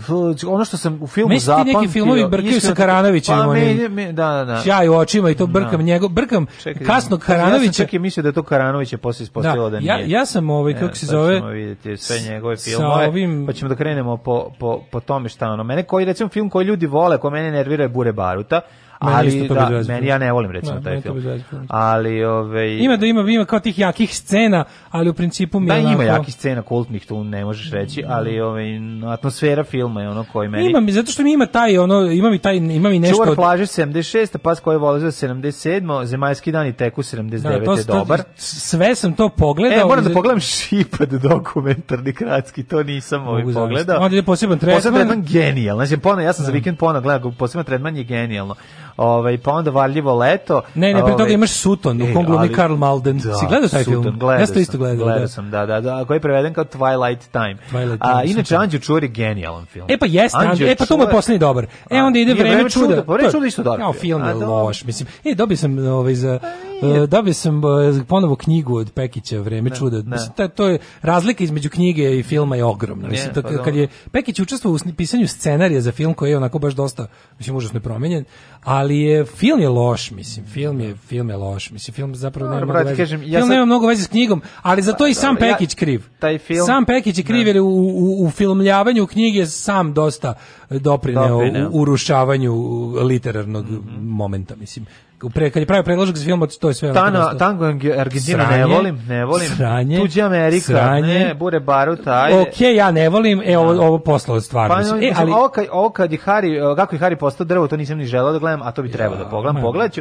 Medeni mesec mi je dobar. Medeni mesec je stvarno meni dobar film. Znači, ja tu, ono, apsolutno, ovaj, moram da kažem da mi se sviđa. Ovaj, nisam gledao, čemu se to radi uopšte? Pa ne, se, se, se, se, setio sam ne, se nekoliko upečatljivih samo scena, a sad ti kažem tačno, kažem ti, gledao sam ga uh, u, u autobusu dok smo išli u, za Austriju. Eto, tako Da. sam. Ovo je poslednji njegov film u Italiji što radio, meni je bio fin. Onako mali film, nenametljiv, uh, sad ne znam, on bio bolestan? Pa pojma, Ne znam, je li bio jeste, bolestan, Pretpostavljam da jeste, ono. Mislim, onda verovatno već u to vreme bio, ako, ako kad kažeš bio Da, bolestan, da, znači jedina stvar kažeš bio bolestan, ima je Meni- rak. ja Mislim, njemu- otprilike da, kad kažeš a- posle duge i teške bolesti, šta može biti nego rak? Da, da, ali ono što, što to ne ja, znam za njega. kod njega, iz njegovog Da privatnog života ne znam ništa, najmanje znam u odnosu i na Karanovića i na Markovića. Pa, mislim, znam i da je bio ono... Pa najmanje znam znam, da na, na, na. I na liniji Pariz, Pariz. i u Parizu Svi ti naši ovaj, praški, Ra- praška ekipa... Živeo je radio na, liniji Svilajnac Pariz. Da. Šalim se, mislim, živeo je čovjek je na liniji Fenix Giz. Nego što je ovi, nego meni zabilo za nešto meni likom strašno podsjećao na cveleta iz instruktora, a ovaj mešavinu sa Donaldom Sutherlandom. Znači ono kad bi rekao ono da, da, pomešam A u Parizu je umro. Umro u Parizu, da, da, U da. Parizu, da. A, Ima on svoju jadnu epizodu sa G17, ako se sećaš. ne sjećam se. Ne sjećaš toga, da, to vi što ljudi Ja jako zaborave. briš- ja stari govnar, zlopamtilo, ja sve pamtim. I onda se sećam kad jedno vreme bio tako kadar G17 plus, pa mu je omogućio ono preko filmskog centra Srbije, mislim, Ma da li se to, da ovaj- se to tad tako zvalo, ali on, on je Lazar i Stovski su ovaj, sarađivali nekoliko tih tako, tako kako bi rekao, u, dvorskih projekata koji su bili stvarno golo govno, da se ne lažem, to su mu najgori filmovi koje je snimio u tom svom G17 periodu, gde se sa mrsom da mu uvati u kolo, ali je ovaj, taj posljednji film, taj njegov, taj mali film o tom detetu, ovaj, uh, migrantskom detetu koji je ono na putevima Italije otprilike ono šta se tu kako ga pokupe Italijani koji su ostali bez deteta pa ovaj e, otprilike otac koji je malo mentalno stabilniji shvata da to tako ne može, a majka koja skroz uvrti u glavu da je to njeno dete. Ne, da, da. Dobar je film, pogledao sam ga na televiziji, bi baš onako dojmio mi se ono. Ma To što kroz tu, kroz tu priču to majstor, ličnog raspada dvoje ljudi oko smrti deteta, što je vjerojatno najgore stvar koja može se desi ikome u životu, je ono kao ispričana je priča o tragediji migranata na, na Mm. putevima Evrope, ono, fino onako, baš nepretencijozno, ma- mali film, a a dobar je. Ma, to mu je poslednji. Mislim, drago mi je da mu je, da mu je poslednji film bio dobar. I kad krenem da gledam, ono, sad- Posle, posle 5-6 Znači, gledao sam za vikend i posebno tretman, gledao sam i psa, pas koji je voleo vozove, e, i gledao sam i čuvara plaže, znači baš sam se overdozirao ovaj, češkom školom, jer to jeste, mislim to. Ovaj, e, Da, pa on je prvi, jako, je, je, znaš šta, jako je, On je prvi od e, naših pražana koji je umro. jeste. Svi da. su i dalje do kucamo drvo živi, zdravi i Da, rade. da, I Granović, i Marković, i Zafranović, i ko bi tu još spadao? Grlić. Grlić, da, bravo, i, Da. i, i eto, on je bio peti. I on je bio peti, Golden da, da, Five. da, I da. Kusturica kao pridruženi mlađi član te ekipe Jest, koji je kreativno umro. da. Koji je živ, ali... Dobro, njega ni ne računamo. Dobro, on je živ Da. samo biološki, ali je ovako mrtav kao sam. Da, da, mrtav kao, da, kao da. ljudsko biće. Ne računamo, ne računamo ovaj, njega, on je prešao na tamnu stranu. Ali ajde da napravimo recimo neku, da, da sad nekog treba da upoznaš sa top 3 stvaralaštva Paskaljevića da Pa, krenu. kažem ti, ja rekao bi, pr, rekao bi... Ovaj, mesto. let, ne, na prvo mesto bi... Ja bi na prvo Varljivo leto. Ja bi se stavio ovaj, prvi film, dugometražni, Čuvar plaže. Čuvar plaže mi je toliko... Ja bi to na drugo. Jo, ne, taj film meni toliko Ali nekako mi je najlepši, nekako mi je upravo si da je super, leto, to- ali Varljivo leto je dobar za, za, za tvoj prvi susret s Paskaljevićem. Jeste, jeste, okej. Za prvi jer susret bi preporio je da. laganiji, a opet je ono e, njegov je, skroz njegov, to je takav Da. češki film. Češki film. To je jako. takav Pa je češki toliko film, jebote. Ono. Pa kako drugačije, oni su odrasli tamo, Pa da. mora biti češki Ali film. meni je recimo taj uh, čuvar plaže mi nije toliko e, čuvar plaže mi je poljski više. Nije poljski mi vuče više, na ovoga nije, nego je samo vi bliži crnom talasu. Pa je zato ono, ovaj, ovaj izlazak iz da, da, ovaj- Samo zbog toga. izlazak Pa to ti kažem, teme nisu A treći bi bio, recimo, bi Anđeo Čuvar kao treći, kao, kao treći, Anđeo Čuvar jako Da uzmeš dobar. kao tri- njegove tri Pa naj- najrazličitija filma. Mogo bi, da, da staviš ono. kao tri njegove, mada meni i ovaj, Anđeo Čuvar je brutalan film. ovaj bre, kako se zove, Znači, poseban tretman. numera, odličan, poseban tretman, o takva Da, ja bi možda pre stavio u top 3 poseban tretman nego Anđeo Čuvar. Ne, Anđeo Čuvar je predobar film. Znači, i. Ali je nekako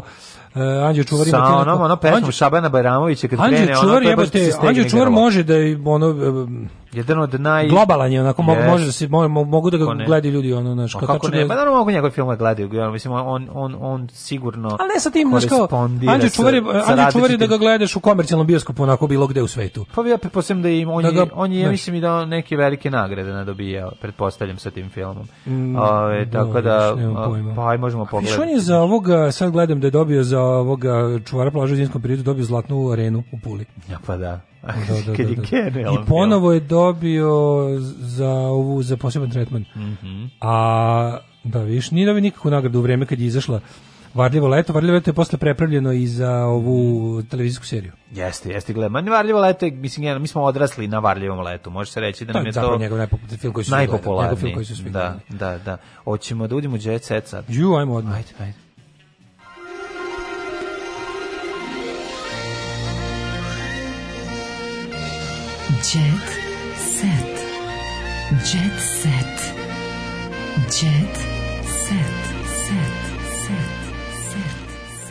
Kaže, čuvar plaže mi je otvorio oči. Moj prvi susret činjenicom da je Švedska najbolja zemlja. Pa jeste. I čuveni Dunić. Ove, da, kaže, sinec sam prespavala kod roditelja i sad ne smijem da vas pustim pred majkom od straha da ćete pričati možda o govnima ili tako nešto. Nećemo više. Pustila konkurenciju, ali ne rade, me kriziram.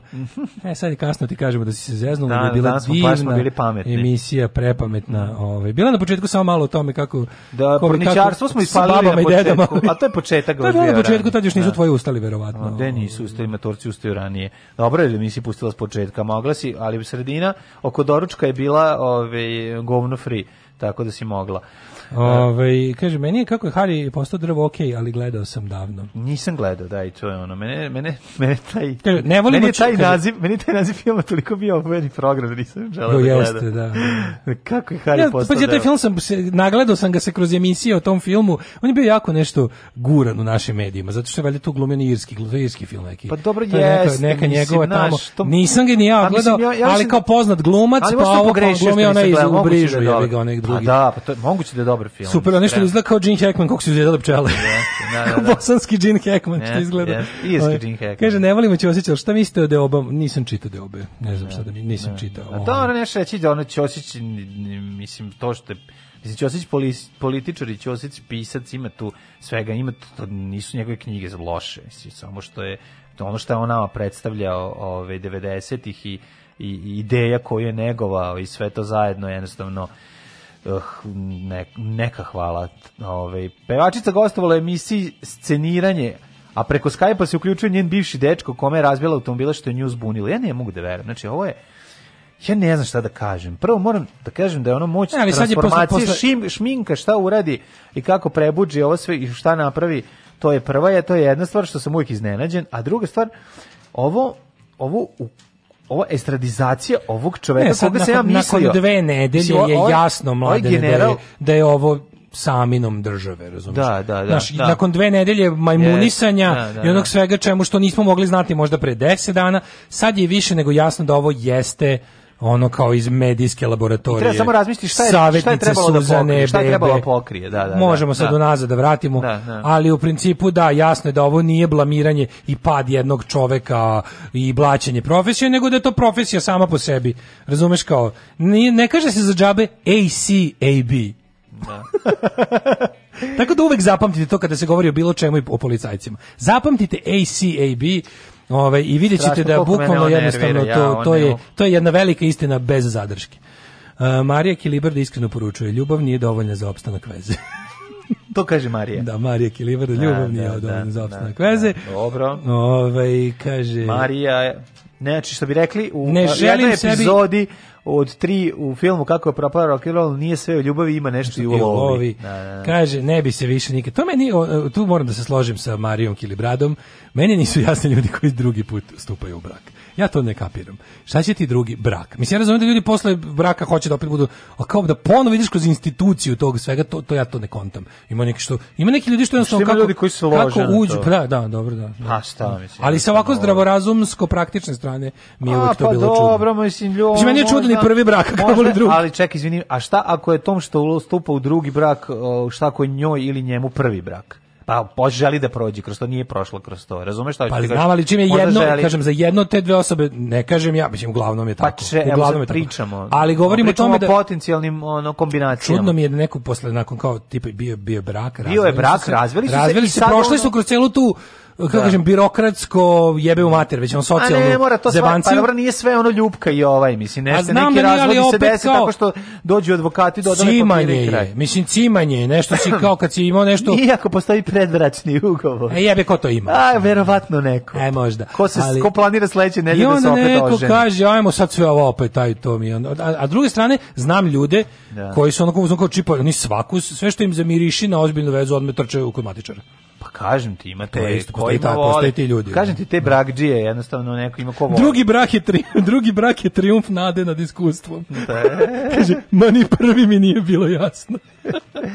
Nemojte tako, ima tu svega. Verovatno institucija braka će vremenom da nestaje, pošto je sada ovaj Ne, ne, ne, već- zajedno već nestaje, kao što je institucija uživljena uzimanjem muževljevog prezime, na i slično. Sve to što je Kažem, ovaj, da, možda, možda ja nisam baš pozvan da pričam o drugom braku, meni ni Da. prvi nije jasan. Pa zato Ali, ti, ovaj, ovaj, zato ti kažem... a, na- ali mi ali vidim da kao ljudi način na koji kao kad, kad, kad dođu do razvoda. Pa onda svi imaju kao, kao da prolaze. Trebalo je da se potrudiš, da A malo da razumeš, pa pa da li- da razumeš, a ti Pa- nisi želeo da se potrudiš. Jesam, potrudio sam se, kako Da, nisam. probaš da razumeš ljude ja o sa tim druge stvarima. strane. Pa ne, ali kao nisam nikad, zašto- ja recimo svaki deseti razvod svaki deseti razvod za koji sam čuo ljudi kažu da nisu crkli od njega. Znači za svaki deseti kažu da je bilo okej. Razumeš? Uglavnom je bilo Da. kao jebem ti do onog peripetija samo formalno pravnih. A Da. kamoli ovih nekih emotivnih i ostalo. Dobro, otko znam, možda se zaboravi. I Kao što onda se bude po- kao, na ajmo sad Kao opet, što se na da. porođajne muke i bolove Da, da, zaboravi, da, da bi mogao pa se jednom, krene da. još jednom. Da bi mogao ne, znam, jednom. ne znam zaš kako Da. drugo, to je u prirodi čoveka. Pa jeste, da. Um, E, Urog, e, uspešni glumac dobio unuka, Lazar Istovski, malo pre smo ga E, pominjali da, da. upravo. Mrsa mu je postao džed, uloga dede je moje poslednje sazrevanje. Jeziv je, jeziv je, ono, znači. A meni, znaš je, meni kod, ja imam jedan problem s njime. On je meni, on je meni ostao kao dobar lik. Znači, ne mogu, meni je jako teško, njegov prebeg pod stare dane na tamnu stranu je meni još neshvatljiv. Ja i njega i dalje kad ga vidim, meni je milo kad vidim Lazara Istovskog. I onda mi, Pa mi dobro, nije, je uspeo- normalno, nije stigao da mi je se ogadi. drug raja u glavi. Nije stigao da mi se ogadi. Mislim da verovatno neće ni uspeti. Jer sam ja previše je mator. Morao bi možda, verovatno ne, sad u, ne. u ovim godinama Ja bi morao lično da mi se zameri. Znaš šta sam ja? Ja, ja, ja mogu da napravim razliku, ja, ja mogu njega da doživljavam kao ovog eh, preduzetnika i kao reditelja. Sve što je on radio kao reditelj je jezivo loše. Znači ona je, ona je neka bela odela, ona neki lavovi. Ma, đubre, kompletno netalentovan reditelj, Jezivo. smeće je samo glumac, pravio. katastrofan. A ja znam da Proizvodio je on kao reditelj tako se kalio čelik, on je u tebi drug raja. On je meni- on prdi, on on, je- meni, on meni prdi i ja mu palim. I Da, zato je to, da. razumem te šta da, ti da, to. da, da, da, i kaže ne mogu da stignem, nije stigao kao naš kao recimo kao što ja od uvek prezirem Radoša, pa kad vidim Radoša Bajića, on ne mogu da jedem, razumeš? Da, A kad da, da. vidim ovoga Lazara Istovskog, ja sam u fazonu kao, ah, dajmo mu šansu. I to su Meni u glavi, jel ima tople vode? Ima, A, fino, fino, pa to, fino, da. fino. I zapravo, a onda da. kad pogledaš Da. hronološki vidiš da je to koliko meni bio dobar jedna trećina, a da je dve trećine ništarija. Dve i trećine da, je mrsom mu teško. Ali izgleda toliko kad je bio dobar, bio toliko dobar, da ne uspeva da mi mislim, sebe. dobar je glumac, a sad Da. ne možemo, kenjati po svemu Da, da, kao da, reditelj, kao reditelj je katastrofa, kao glumac je dobar. teška srce bi ga oterao u gulag posle revolucije. Da. Brendino stanje se pogoršalo, programi su loše, jako mi žao, ali Shannon Doherty, ovaj... Ja sam mi da budem iskren, sam mi pitao, ja bih rekao da ona umrla, je, beš mi sve. Znači, baš bi mislio. Mislio bi da je umrla, da, da Pa. Kakav si fan Barry Hills 90210? Pa pravi. Pa nisi pravi fan, mora bi da znaš šta se Da dešava. vidiš, da vidiš, sa, sa, održan regionalni susret Nikogovića i C ekipe celebritija željnih pažnje. Da. Održan afterlife party za Isidoru Bjelicu na Salašu kod Palića. Ne želim to. Znači, ne ja, znaš ti ne koja je ovo ljudska Ne jadarija? mogu, Ovo je kao nemoj- neki, nemoj mi ništa to kao neki obred luzera. To, ono. za mene, to se to ne Zorana dešava. Pavić okupila je prijateljice, e, spisateljice, one, znači ne, prvo, porodica nije prisustvovala, ali ali Zašto porodica nije prisustvovala? ali su imali Ovo je njen, jako ali su imali njihov blagoslov. Zorana, Zorana pa, znaš ko- je ova ekipa? Ko je ovo ko, ko je ovo sajam bede? ovo radi televizija Beograd što izdaje ove diskove, je li to ta ekipa, mislim? Pa Koja je? bukvalno, ja mislim da je ovo više, znaš koja je ova ekipa? Ovo su takvi has-beens. Ovo su oni što se ne odazivaju ni na žurke ono koje organizuju Color Press. Znači baš ono, baš kraj krajeva. Ono. Ček sam vidiš koja je ekipa. Ovaj, ko su, da, da, da, pokušam da nađem ko je bio. A vidim samo po slikama da su ono neki, ja majko mila. E, ovi svi kažu da je ova uh, močvara vrlo tanka. Ma de, da, ne, da, da. Gledao? Vrlo si je diplomata. Ovaj, Pa dobro, šta? Vrlo si diplomata. Ma, volimo. Gorana, pa znači imam intervju sa Goranom Bogdanom, pa ja ovaj, volim i Gorana i Bogdana, oba glumca su mi odlična, tako da ovaj, um, ima malo i erotike, kaže Goran, E, i. Marta Bjelica. Jesi gledao to nešto ili ima? N- Ne, nisam pogledao ništa, vidio sam samo da, je, ovaj, da, su, da su je- svi popljuvali. Kažu da su da je True Detective iz kineske prodavnice. E sad, A da je ta ovaj, varijanta. mm, mm, tako da me ovaj zanima me to ovaj koliko je to tačno.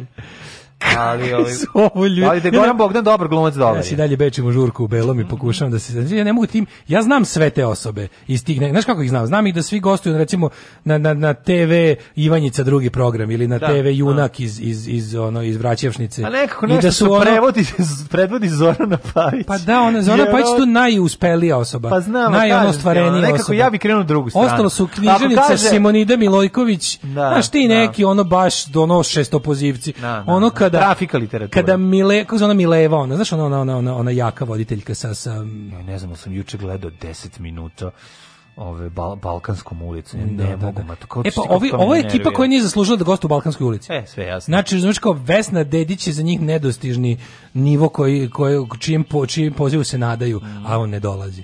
Aj zdravo. Ćao.